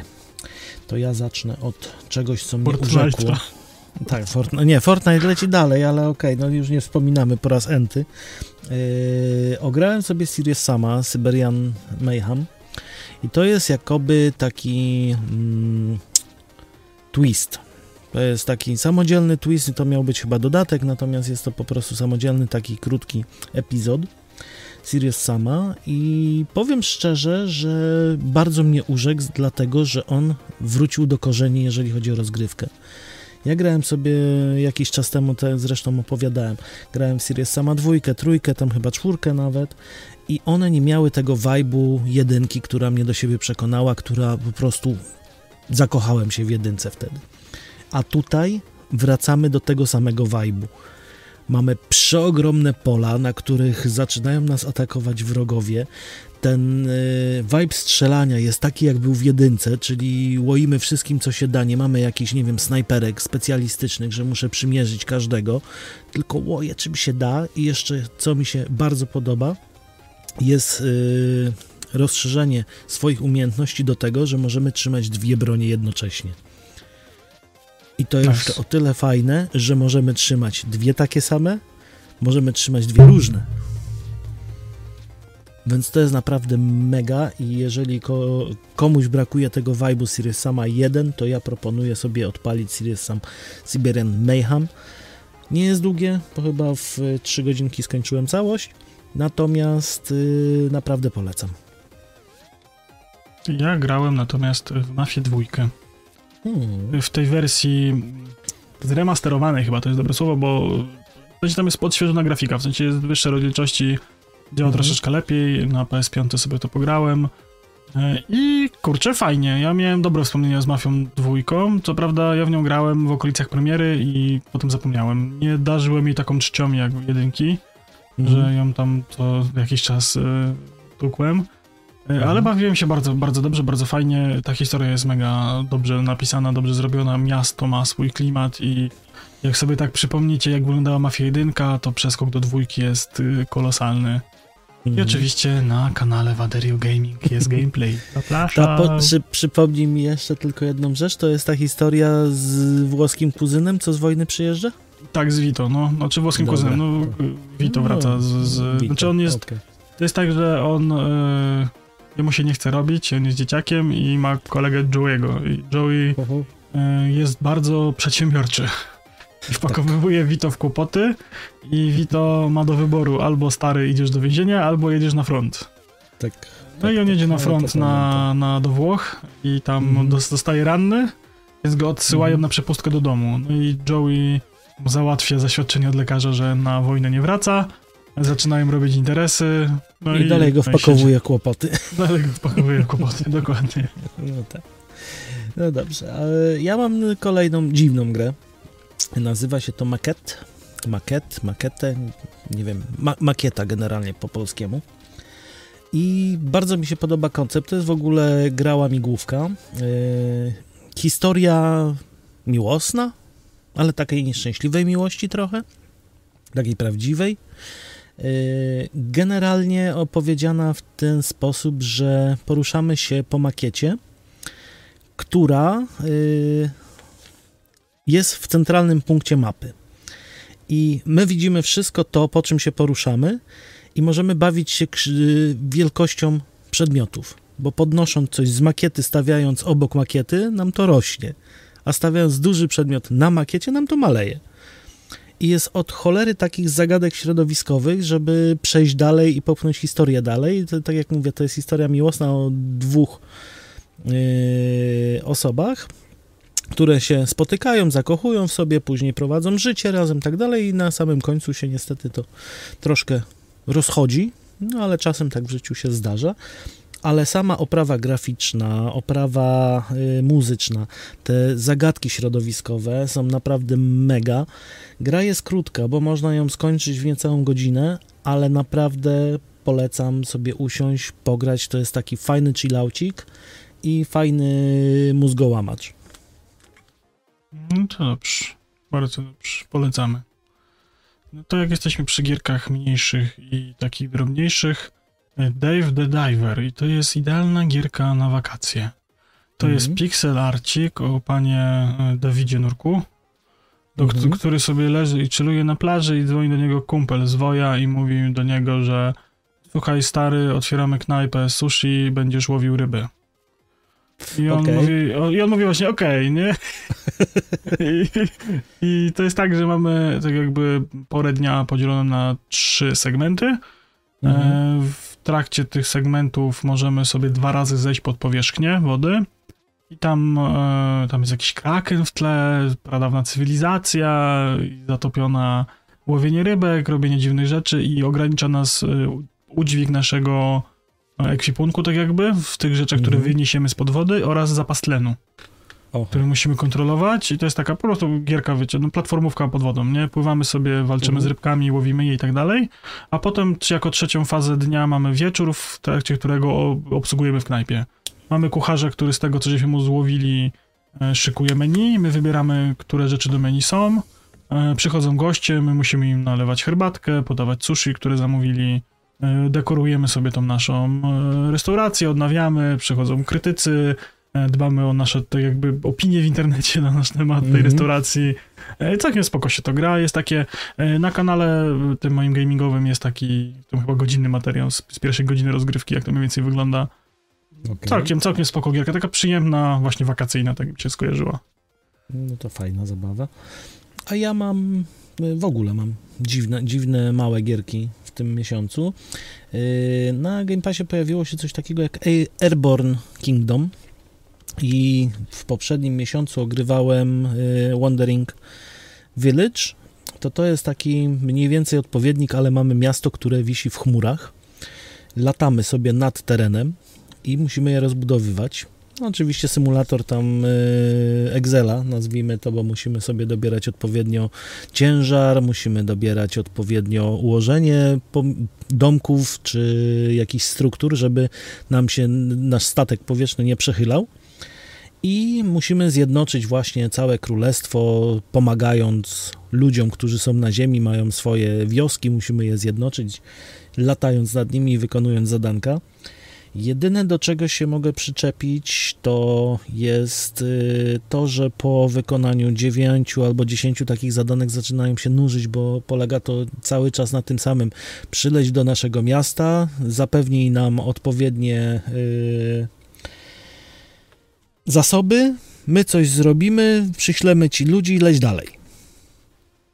O tyle Mhm. jest to nudne, natomiast y, tak jak mówię, fajnie jest to skonstruowane, bo musisz y, wynaleźć odpowiedni silnik, musisz odpowiedni y, sprzęt y, do napędzania swojego statku, musisz dbać o to, żeby, tak jak wspomniałem, zbalansować go, żeby nie przechylał ci się w żadną z, ze stron. Musisz pamiętać o tym, że musisz mieć odpowiedni udźwig, żeby ci nie spadł ten samolot. Y, Generalnie same zasoby też masz ludzi w samolocikach, którzy zlatują na ziemię, zbierają zasoby i wracają do ciebie. Fajnie się gra, ale na dłuższą metę jest po prostu nudne. No to u mnie będzie Minecraft. Wróciłem znowu do Minecrafta, e, tak, z okazji tego, że postawiłem sobie serwer Minecrafta. Mhm. E, to żeby stestować, jak on w ogóle działa, poobciążać go, to mówię, coś tam sobie porobię. I takiego, e, powiedzmy, założenia, że pobawię się trochę jakimiś mechanizmami, wyszło, że zacząłem sobie budować taką, powiedzmy, pseudo-średniowieczną wioskę, bo ona jest taka w stylu średniowiecznym, ale takim trochę zdewastowanym, takie średniowieczne postapo. Mhm. I sobie tam buduję różne budynki. Zbudowałem sobie magazyn z automatycznym sortowaniem itemów. Zbudowałem sobie farmę żelaza, która jest w zamku, takim, takiej małej fortecy. Mhm. Na bazie takiego starego, zniszczonego akweduktu f- farmę szlamu sobie zrobiłem. Jakieś tam, wiecie, różne takie te farmy sobie testuję. Mechaniki minecraftowe, jak one tam... Tam są dużo fajnych zależności. Minecraft ma, poza tym, że możesz sobie po prostu w niego grać i zbierać sobie Mhm. patyki i budować szałasy i zabić smoka, e, czy tam budować jakieś proste mechanizmy z redstone'a, jakieś takie bramki logiczne i inne rzeczy, to ma dużo takich zaszytych mechanik wewnątrz siebie, nie? Na przykład strasznie mnie Mhm. jara to, że możesz sobie zrobić farmę żelaza polegającą na tym, że e, jeżeli y, zbudujesz prosty domek, w którym będą zamknięci wieśniacy, wieśniacy Mhm. będą mieli łóżka, e, będzie to oświetlone i wieśniakom musisz przypisać profesję za pomocą stołów roboczych, żeby wieśniacy się zapisali i nie zniknęli. Jeżeli w to takim środowisku wprowadzisz zombiaka, tylko nie możesz go tam po prostu postawić, no bo on ich pozabija, musisz go odgrodzić w taki sposób, żeby on nie miał do nich dojścia, żeby ich nie atakował, a jednocześnie musisz go postawić na specjalnym przygotowanej tak jakby windzie wodnej, czyli y, tam jest coś takiego jak piasek dusz, y, który jak na Mhm. niego wylejesz wodę, to on tak Mhm. jakby wciąga cię w dół. Mhm. I ten zombie wtedy jest tak jakby wciągany w dół i wypływa i tak wiesz, kołysze się cały czas, bąsuje. I Mhm. w, y, według gry w tym mechanizmie wieśniaki, które próbują się położyć do łóżek spać jak jest noc, to ten Mhm. zombiak w pewnym momencie nagle y, wchodzi w zakres ich pola widzenia, oni Mhm. łapią, łapie na nich agro, on ich przestraszy i ich budzi. I Mhm. wtedy y, na obszarze, tam w iluś tam bloków dookoła tego zdarzenia, spawnuje się żelazny golem. Mhm. E, który jeżeli odpowiednio przygotujesz całą tą farmę, tam e, bloki, na których się moby nie mogą spawnować i tak dalej, i, i tak dalej, wykorzystasz sobie e, spływ wody, to może Mhm. spowodować, że te golemy będą sp- spawnować się w nieskończoność, one ci będą specjalnymi tunelami spływały do pomieszczenia, w którym będą się same zabijały o lawę, y, Mhm. dropiły ci żelazo i to żelazo automatycznie będzie zbierane do skrzynek. I tam jest dużo... Ja mam taki... Ja mam taki disclaimer dla was. Wiecie, że Darek to robi w ciągu jednego, dwóch dni. Jak y, graliśmy w Minecrafta razem, to ja nie mogłem jeden, dwa dni i później przychodzę i właśnie takie struktury już stoją i zapieprzają same. Bo mnie strasznie jarają te mechaniki, nie? W sensie tam jest dużo takich, O. wiesz, mikro rzeczy i tam jest, wiesz, właściwie każdą właściwie rzecz w Minecrafcie da się z, y, automatyzować, nie? Więc Mhm. jakieś takie dziwne sposoby, dziwne zależności, które już, wiesz, wchodzi w silnik gry tak dość mocno głęboko, nie? Więc ja się No, wy, no wykorzystanie właśnie tego, że jak na przykładzie właśnie podałeś, że spawnuje się obrońca, którego ty wykorzystujesz do tego, żeby po prostu... żeby z niego żelazo pozyskiwać, nie? Tak. Więc to jest w ogóle kosmos. Tam jest dużo takich rzeczy, ja się teraz tym bawię, także fajnie jest. Udekorowuję sobie to od razu. Mhm. To jak wejdę tam, to znowu zginę. Yy, dobrze, mamy też yy, rzecz dla mnie nową. Sea of Stars się nazywa produkcja. Yy, Jest to, na razie mam przegrane może z pół godzinki, ale wiem, że już w tym długo przesiedzę, bo nie wiem, czy kojarzysz taką grę jak Golden Sun. Ja już widziałem to dzisiaj u Diabło na diabelskich wersetach, streamował to dzisiaj. A widzisz. Y, Generalnie bardzo mi się podoba, bo to ma taki właśnie vibe, y, nie wiem, Final Fantasy, Golden Suna, trochę Pokémonów może, ale takich starych. Jest zrobione bardzo ładnie w pixelarcie. Bardzo mi się podoba ten pixelarcik. Historia też się wydaje ciekawa, więc na pewno się mocno w tą grę wciągnę. Co mnie przeraża, bo zaraz wychodzi Starfield. No, dlatego trzeba pozamykać wszystkie rzeczy. Tak, tak, tak. No to co? No, dobrze. Co jeszcze masz? Jeszcze No, z, zaczynają wchodzić takie grube rzeczy powoli, Mhm. ale na czym te grube rzeczy wejdą, to pograliśmy trochę wspólnie e, w Overwatcha dwójkę. Pograliśmy. I za namową Mhm. e, Kuby, mojego brata, bo e, chciał pograć w Overwatcha, bo my graliśmy dużo w jedynkę. I Mhm. graliśmy w jedynkę, to był taki prosty schemat, wiecie. E, Co e, chyba trzy tygodnie było jakieś wydarzenie e, w Overwatchu, czy to nowa mapa, nowy bohater, nowy event, cały czas coś było. Więc Mhm. było po co grać, bo odblokowywało się skórki, które były w skrzynkach. Za level dostawałeś sk- skrzynkę, Mhm. ze skrzynki leciał ci losowe czy tam pięć przedmiotów i mogła być jakaś nowa skórka. I my żeśmy Mhm. grali, bo grindowaliśmy ze skrzynki i dobrze się przy tym bawiliśmy. I Overwatch 2 ma Battle Passa, który jest gówniany i nam się przestało chcieć grać, ale stwierdziliśmy, że e, no jak nas jest trzech, to może byśmy tego Overwatcha raz na jakiś czas przycinali troszkę i kurczę, no mi się ta gra dalej podoba. Ona jest dalej dobra, poza tym, że system e, z Battle Passem jest zrypany strasznie. Bardzo. Bardzo, zwłaszcza, że się nie opłaca kompletnie go wziąć. Mhm.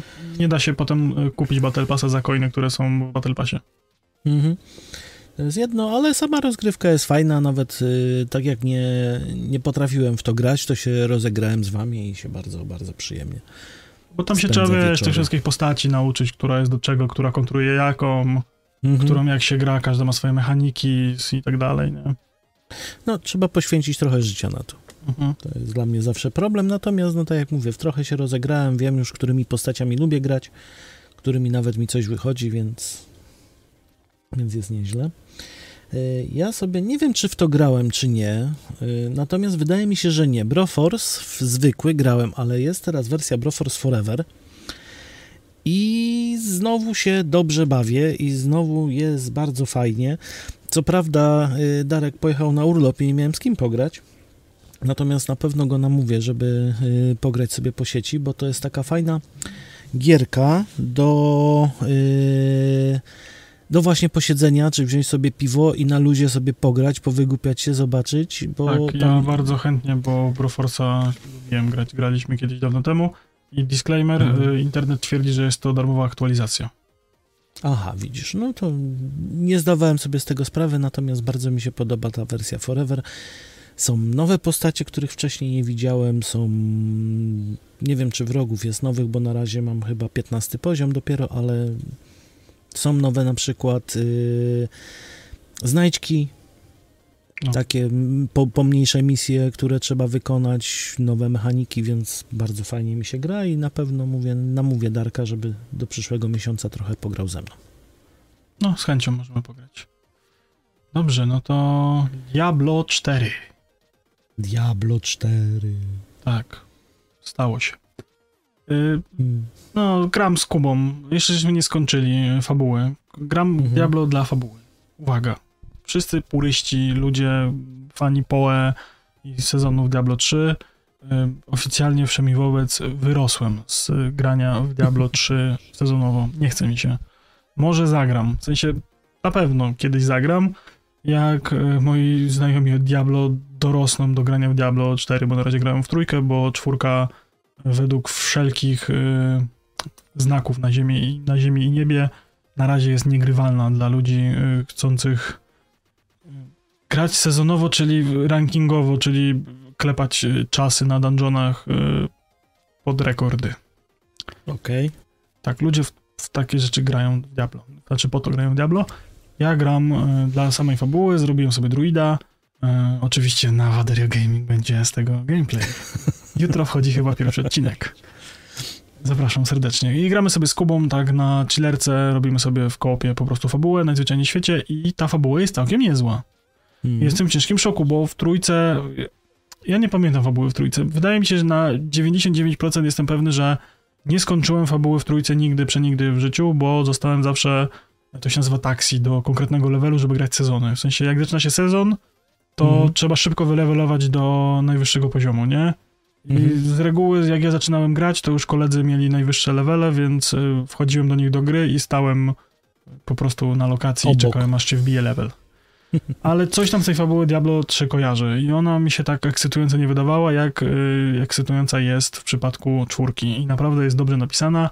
Jest polski dubbing, y, za który odpowiada firma Rysława. Jest fajnie, i jest przyjemnie i ta gra wygląda dobrze. Strasznie przyjemnie się, się cieszy w niej potworki. Te ciosy No to- naprawdę wchodzą i sprawia satysfakcję. Trochę, Dobrze trochę zazdroszczę, natomiast ja jestem starym dziadem, który utknął na dwójce i tam się skończyłem z fabułą i tam mi się podobało, więc... To jest dużo, w sensie y, jak ci się dwójka podobała, to czwórka też ci się spodoba, nie? Nawet bardziej mi się wydaje. No to może, może na, Bo jest, jest tak, jest tak moment. właśnie mroczno, ciężko i brudno. I... Bo Mhm. trójka była bardzo cukierkowa, taka gdzieś. Trójki, trójki nigdy nie zagrałem. Trójki nigdy nie zagrałem, bo to był czas, kiedy byłem na studiach, człowiek nie miał czasu, jakoś to tam gdzieś zginęło, wsiąkło, nie, nie, nie kupiłem, nie, nie usiadłem, nie zrobiłem i tak do dziś dnia nie usiadłem. I jakoś mnie tak bardzo nie ciągnie. Będzie w to- Game Passie, to nadrobimy. A, wtedy na pewno. Wtedy na pewno. No to ja mam jeszcze ostatnią pozycję, do której tak naprawdę wróciłem po raz enty i próbowałem sobie ją ograć, natomiast po raz enty mnie odrzuciła i nie, nie potrafię w nią grać. Jest to Celest. De facto platformówka w bardzo ładnym pixelarcie. Bardzo mi się to podoba, jak ona wygląda, ale nie potrafię sobie poradzić z drugą, trzecią, czwartą mapą i po prostu mnie tak bardzo frustruje w pewnym momencie ta gra, że jest y, szybki quick rage i odinstalowanie i koniec. Ja Jak się znajdzie, dobra. jak się znajdzie właśnie jakiś purysta Celest i powie mi, jak w to grać, żeby cieszyć się tą rozgrywką, to dajcie znać. Ja, ja jestem To bardzo ja ci- chętny i zdesperowany do tego, żeby tą grę ograć, ale ja w nią nie umiem grać. To ja ci mogę podpowiedzieć, bo z tego co słyszałem, ja się też do tej gry zabieram od dłuższego czasu, ale to jest Mhm. taki, y, uwaga, pozdrawiamy y, pewne osoby, y, Dark Souls platformówek. Okej. Y, więc to musisz git good, technika git good. No dobra. Dobra, to muszę, tego- muszę, muszę nowego pada kupić, bo tego popsuję za chwilę. Dobrze, no to w takim razie rozsiądźcie się wygodnie w swoich fotelach, załóżcie wygodniejsze słuchawki, otwórzcie pistację albo nawet delicję, zaszalejcie. E, Mhm. Tom Durodom, Baldur's Gate 3. I się rozpływamy. E, o kurcze, o jacie. E, I teraz tak, od razu na wstępie mały disclaimer. Zacząłem grać w grę przed urlopem, przed wyjazdem. Miałem tydzień czasu do wyjazdu od premiery. Więc e, wycisnąłem z gry tylko 50 parę godzin. Tydzień. Na tydzień to i tak bardzo dużo. Więc y, skończyłem wątek główny, y, grając tylko w wątek główny. Mhm. Nie, y, nie w ogóle nie bawiłem się w poboczne rzeczy. Tam minimalnie zrobiłem questy postaci, y, które były ze mną w drużynie do końca i zrobiłem wątek główny. Mam pełną świadomość, że ominąłem pewnie 70% kontentu, który jest w tej grze. Mhm. Ale bawiłem się prześwietnie. Ta gra jest przegenialna pod każdym możliwym e, e, aspektem. Przede wszystkim jest to pierwsza gra od dawna, która na premierę jest e, w stanie technicznym wyśmienitym. W sensie są drobne bolączki, ale one wynikają tylko i wyłącznie z wersji polskiej, a mianowicie Mhm. w ostatnim akcie gry y, są problemy z książkami i z notatkami, że nie ma tam nic, są puste strony, nie jest przetłumaczone. Z tego, co się orientuję, to zostało to w patchach naprawione. W momencie, w którym ja grałem ten tydzień po premierze, to y, pod koniec, wiesz, wnioskuję, że nie zdążyli i liczyli, że nie będzie nikt na tyle szalony, że przed łatką dojdzie do tego momentu. Więc wybaczam, bo w wersji angielskiej są tam normalnie teksty. To jest, dotyczy się tylko i Mhm. wyłącznie wersji polskiej, w sensie polskich napisów do gry. Okej. E, Natomiast gra jest technicznie bardzo w dobrym stanie. Gra jest w ogóle, wiecie, to jest cały content. To jest gra, która nie ma mikrotransakcji, nie ma żadnego DLC, w sensie Nie? nie ma skórek, nie ma tam nic do kupienia. No po prostu Jak jest. Masz grę w 100% kompletną, graj. Baw się świetnie. Niemożliwe. Niemożliwe. kosztuje 250 zł i nie chcą od ciebie więcej pieniędzy. Mm. I gra się okazała hitem sprzedażowym i y, tysiące, setki tysięcy ludzi w nią grają. Tam chyba w piku w drugim tygodniu od premiery to tam jakieś w ogóle rekordy biła. Mhm. I y, gra jest naprawdę wyśmienita. Ona pod, y, wiecie, to zrobiło studio Larian, które robiło Divinity Original Sin 1 i 2 i z jednej strony trochę czuć, że oni to robili, a z drugiej strony kompletnie nie, bo to jest inna gra i to jest Baldur. Ale Mhm. jednocześnie jest oderwana od Baldurów i jak nie grałeś w Baldura 1 i 2, bo były 25 lat temu, to nic nie tracisz, możesz grać w to i, i kompletnie nowa przygoda i historia. Ale jak grałeś, to coś zyskujesz?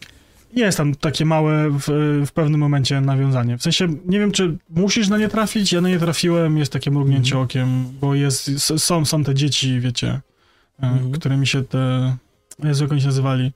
W sensie, było się dzie- było się tym dzieckiem tego Boga chyba tam, nie? To były te dzieci, trzeba ich pozabijać, wszystkich innych tych, No, no, no, no, no. no. no to jest tam. Nie wiem, jak jest się tam ten jeden, nazywali, ale...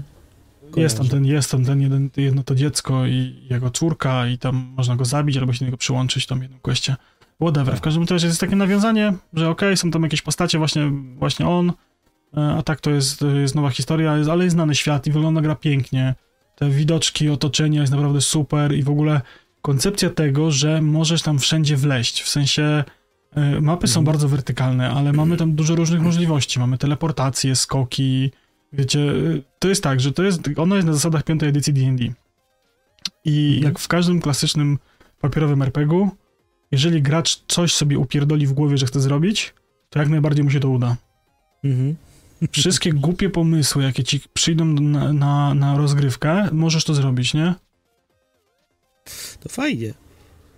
Więc naprawdę można kombinować na wiele sposobów, można obchodzić naokoło, e, przegadywać, przekupywać, okradać, podkładać w ogóle ładunki y, pseudowybuchowe, wiesz, możesz komuś podrzucić wybuchającą beczkę do kieszeni, a potem fireballem tą beczką mu wybuchnąć, nie? No różne rzeczy i wszystko się opiera na zasadach rzut, rzutem, rzutem kością. W walce jest ten rzut wirtualny, Aha. E, I e, nie opiera się, wiecie, o jakieś żadne ziarenko, które się zapisuje, więc właściwie quick save, quick load i na upartego każdą walkę wygracie. Mhm. E, Odpowiednio dużo uporu. Ja tak w niektórych momentach musiałem wczytywać. Masakra. Dodatkowo wszystkie takie wybory moralne i tak dalej, masz normalny fizyczny rzut kością w dialogach. Aha. Rzuca, rzucasz kostką, jest faktycznie ten rzut jest pokazany, on się rzuca. Tam masz te modyfikatory ujemne dodatnie, plusy, masz te y, przewaga i nieprzewaga? Nie wiem, nie wiem jak to przetłumaczyć, bo w, w dedekach jest advantage i disadvantage. Więc nie wiem. Yy, Dobra, wiem jak to przetłumaczyć, ale mam na końcu języka, więc jak mi się przypomni, to się No, wtrącę. więc na pewno advantage to jest przewaga, a disadvantage to sobie nie przewaga? Właśnie nie mogę sobie teraz też tego... W każdym razie gra pod tym względem jest naprawdę wyborna i, te i sam w ogóle koncepcja, że po prostu masz questa, którego masz w jakiś sposób wykonać. A jak Nie ty korzyść. to zrobisz? O, nie, może tak, może nie korzyść. E, Więc jak ty sobie tego questa wykonasz, to jest y, kompletnie twoja sprawa i możesz wejść na, y, na Rambo i porozwalać, możesz się skradać, możesz wysłać jednego w ogóle tam powiedzmy czarodzieja, żeby tam pod osłoną niewidzialności wlazł i zrobił swoje. Możesz Mhm. przekupić, przegadać, zastraszyć, y, zrobić 15 subquestów, które ci ułatwią na przykład zrobienie czegoś. Jest Mhm. kompletnie super dużo różnych rzeczy. Jest masa sekretów, masa jakichś takich dziwnych y, akcji. Widziałem gdzieś tam po necie, że gdzieś tam gracz wlazł do jakiejś stodoły w jakimś subquestie i e, chłopaki zabawiali się z ogrem Okej. na przykład, nie? Więc y, w ogóle do tego jest koncepcja narratora, który poniekąd jest takim, wiecie, mistrzem gry, który opowiada tą, tą historię. E, Mhm. No i w ogóle sama ta fabuła jest naprawdę dobra. Jest, kurczę, to jest pierwsza gra od bardzo dawna, dawna, którą naprawdę warto zagrać na premierę, bo jest w 100% tym, czego możecie oczekiwać. Tutaj To super. uwaga, uwaga, bo y, ja tego nie śledziłem, bo wyjechałem na urlop, ale zapisałem sobie w agendzie jeden link do pewnego materiału na YouTubie, który sobie teraz przypomniałem, żeby sobie obejrzeć. Okazuje Mhm. się, że deweloperzy różnych studiów Mhm. mieli ból dupy o poziom Baldur's Gate'a na premierę. Mówili, że to jest ewenement, żeby się gracze nie przyzwyczajali, że tak to być nie może. Studia, które y, żyją z monetyzacji y, w DLC-kach, w, mikro, w mikrotransakcjach i tak dalej, stwierdzili, że y, to jest zła praktyka. Że nie Aha. można graczom pokazywać, że da się w dzisiejszych czasach tak robić gry.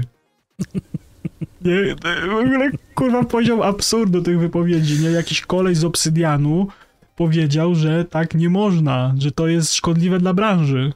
Wypuszczanie Okej. w takim stanie gry na premierę. Nie, kurwa. Szkodliwe to jest wypuszczanie takiej gry jak Redfall, Tak, no dokładnie. a nie takie gry jak Baldur, Baldur's Gate, nie? I naprawdę, y, y, ludzie pracujący w branży, wiecie, od zaplecza, produkujący gry, mieli ból dupy o to, co zrobił Larian. A Larian, przypomnijmy, że jest studiem niewielkim. Mhm. Larian Studia sobie wygoogluje.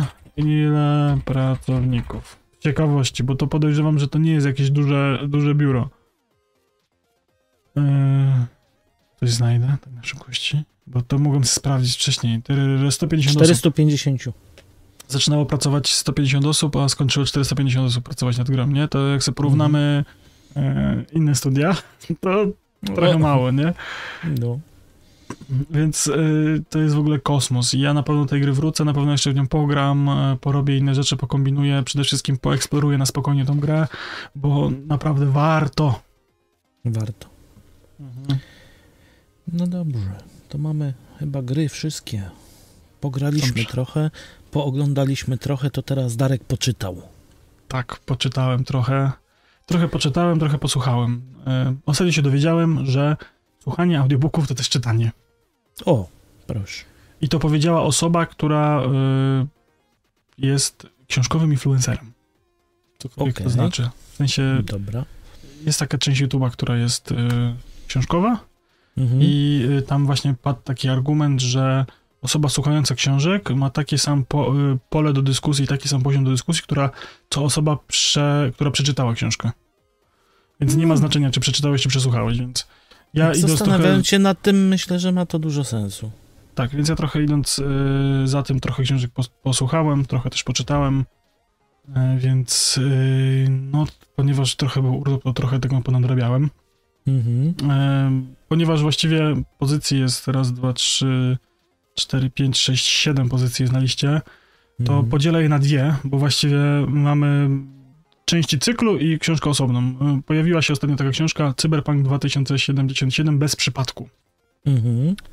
To jest taka świeżyneczka i y, background do tego jest taki, że em, napisał książkę pan Rafał Kosik, który jest autorem science fiction według Wiki- Wikipedii, ale on, możecie go kojarzyć, bo on pisał takie książki Felix, Netnika oraz coś tam. To Mhm. jest taka seria książek dla dzieci, slash nastolatków, dla Mhm. młodzieży.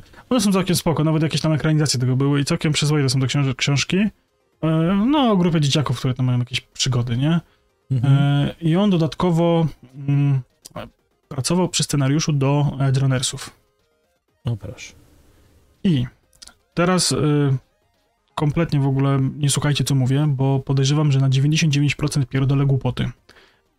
Bo nie jestem w stanie wygrzebać. Siedzę, siedziałem dzisiaj pół dnia i próbowałem wygrzebać tą informację, ale w dziwnych okolicznościach zniknęły z internetu, a mam w głowie, że coś takiego było. Być może pomyliłem autora, ale wydaje Mhm. mi się, że po premierze serialu y, był ból dupy o to, że y, pewna osoba, właśnie nie pamiętam nazwiska na 100%, wydaje mi się, że pan Rafał Kosik, ale być może Mhm. nie, więc kasujemy, nie padło. Y, pracował przy scenariuszu do Edge Runnersów, ale nie skończył pracy i nie Mhm. było go w napisach końcowych. On wtedy była taka drama, że on twierdził, że tego jego scenariusza nie wzięli do Edge Runnersów, po czym wyszedł serial, mimo tego, że mu zapłacili, by the way, nie? Mhm. Zapłacili mu za pracę y, i potem temat ucichł, potem się pokazał serial, on nie wiedział, że serial jest na podstawie jego scenariusza i Mhm. miał ból dupy, bo nie było go w napisach. Okej. I wydaje mi się, że y, została przybita piątka, bo pojawiła się książka i nagle wszystko się rozpłynęło po kościach, bo wiem, że on tam jakiś spór miał, City go przepraszał, coś tam było, ale Mhm. nie jestem pewien, czy to chodzi o niego. Nazwisko było Okej. dla mnie znajome, więc wiążę fakty, a naprawdę nie mogłem wygrzebać dzisiaj żadnych informacji na ten temat, bo nie wiem, zniknęły. Natomiast Mhm. książka jest, y, no to są adrenersi na papierze. Okej, to już mnie Jest, zachęciłeś. jest fajnie, jest naprawdę dobrze, jest... No mamy nowe postacie, ale mamy, mamy Night City, mm, mamy Cyberpunka, mamy ten świat, mamy wszczepy, mamy... Sporo fajnych rzeczy zostało, moim zdaniem, powiedzianych, które nie zostały dopowiedziane w grze ani w serialu wcześniej. Jeżeli chodzi tam o, o na przykład o netrunning i tak dalej, o takie rzeczy. Jest bardzo Mhm. fajnie to opisane, e, w taki sposób, że bardzo mi się to mocno kojarzyło z b, b, b, b, trylogią ciągu od Gibsona, jeżeli nie mylę autora. Nie powiem ci, nie wiem. Gibson, trylogia, tak, autor jest y, trylogia ciągu Gibson. E, To taka też cyberpunkowa stara książka, bo to jest chyba... y, Który rok? Który rok? Nie pokaże mi. 84.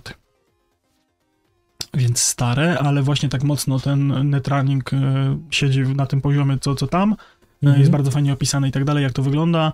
E, Sporo takiego filozofowania, sporo takich, wiecie, e, cyber, cyberpunkowych fuck-upów, nie? W sensie, jak to sobie czytałem, to miałem tak, że właśnie dobrzy Edgerunersi, tak też mi się kojarzyło z tą naszą kompanią, którą graliśmy u Diabła, nie? Prosto z Pacyfiki, tak mówię, kurde, to jest jak, wiecie, to jest jedna z tych historii, która właśnie wygląda w ten sposób, nie? Że jest tam jakaś drużyna z przypadku, to jest właśnie bez przypadku, e, którzy gdzieś tam jakieś, wiecie, robią dziwne rzeczy i dzieją się jeszcze dziwniejsze rzeczy i potem się muszą wyplątywać z tego, w co są zamieszane korporacje. E, No jak to w tym, ale dobrze się to, naprawdę dobrze się to czytało. Bardzo fajna książka i jak najbardziej polecam. Z tego co słyszałem, to nawet hit jest to jakiś tam sprzedażowy podobno. No proszę. No i co? No i potem mamy pozostałe sześć książek. Mhm. Ja ostatnio mówiłem o malowanym człowieku tomie pierwszym, że zacząłem sobie czytać, skończyłem sobie czytać.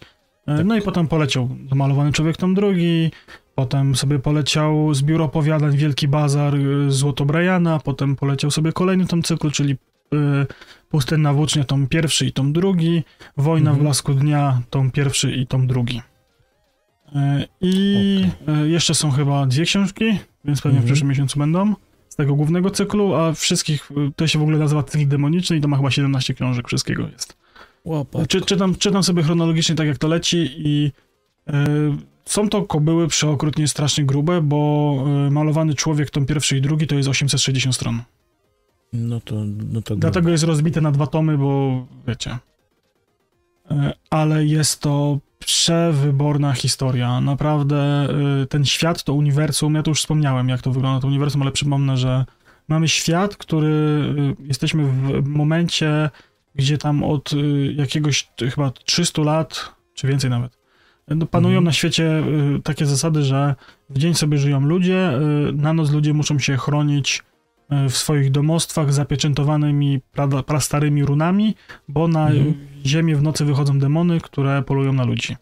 I dawno, dawno temu, za czym te demony wyszły, to była stary świat, w którym panowała nauka i technologia. A przed tym starym światem była jeszcze wcześniej era demonów, ale był wybawiciel, który za pomocą właśnie runów wojennych y, pokonał demony, zjednoczył świat, no i jak te demony zostały pokonane, to ludzie się pokłócili, założyli swoje kraje, poszli w naukę i technologię, zapomnieli o magii.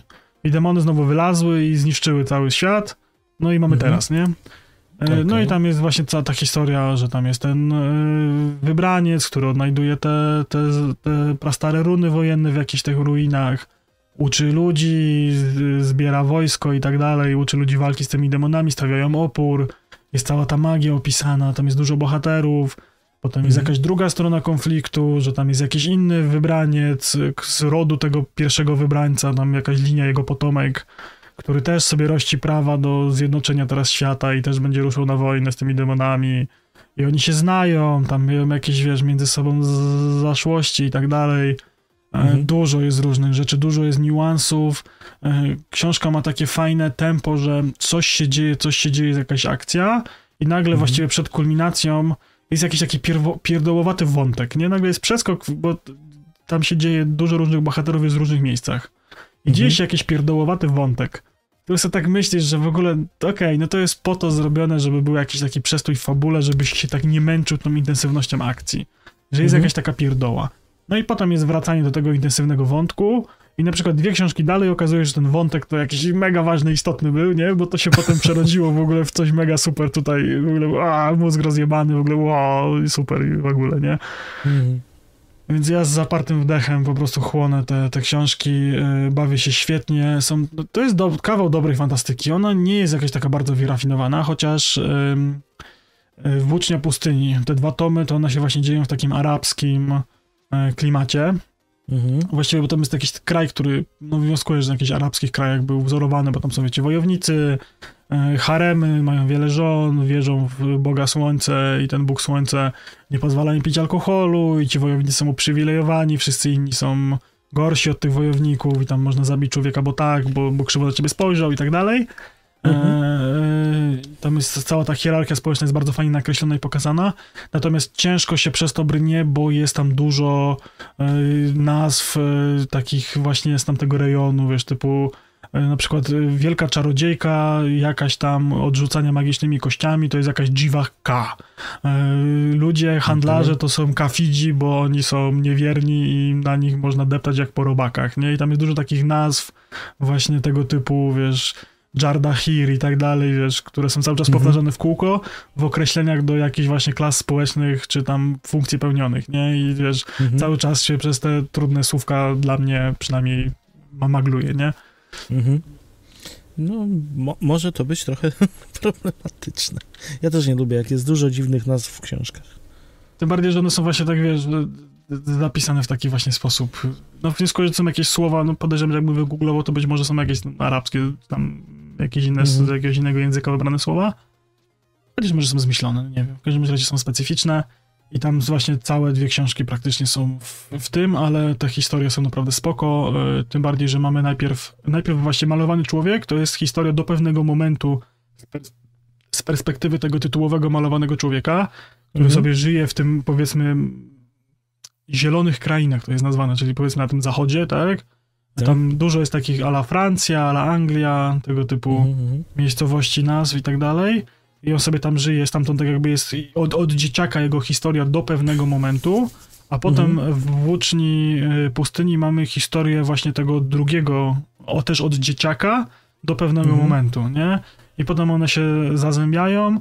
Dodatkowo właśnie w tym Wielkim Bazarze i Złocie Briana też jest sporo takich, y, to, jak to właściwie w mowie y, wstępnej autor powiedział, pisałem malowanego człowieka, miałem y, tysiąc stron i moja y, korektorka powiedziała mi, że nikt mi tego nie wyda, więc wyciąłem trochę stron i wyszła mi z tego osobna książka. Okej.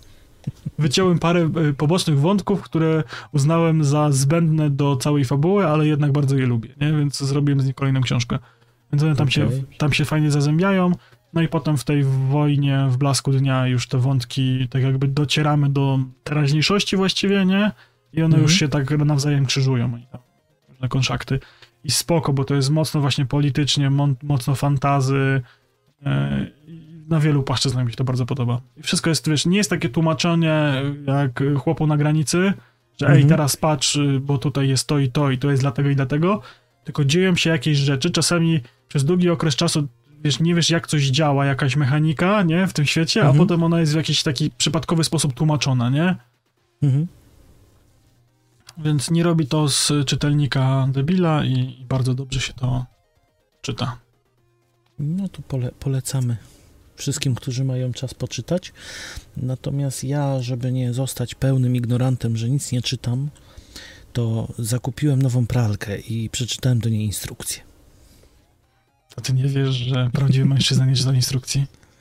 Tak, ale powiem szczerze, yy, mam pralkę co prawda tego samego producenta co poprzednią, natomiast ta ma taką funkcję jak połączenie z aplikacją i gdyby nie to, pewnie bym nie przeczytał instrukcji, ale się tak dziwnie łączy z, przez Bluetooth, że musiałem się rozczytać. No to dobrze. O wow, Zas- zaszaleliśmy. Suty ten Tak. ksiądz był. Bardzo. Nic nie No. robiliśmy, ale robiliśmy dużo. Opowiadajcie może nam w komentarzach o swoich urlopach, o swoich wyjazdach, może gdzieś byliście w fajnych miejscach. Jak wam minęły wakacje? Pytanie otwarte. Zadaję na Spotify'u i, Tak. na YouTubie. No, my powoli wracamy. Wy też wracajcie.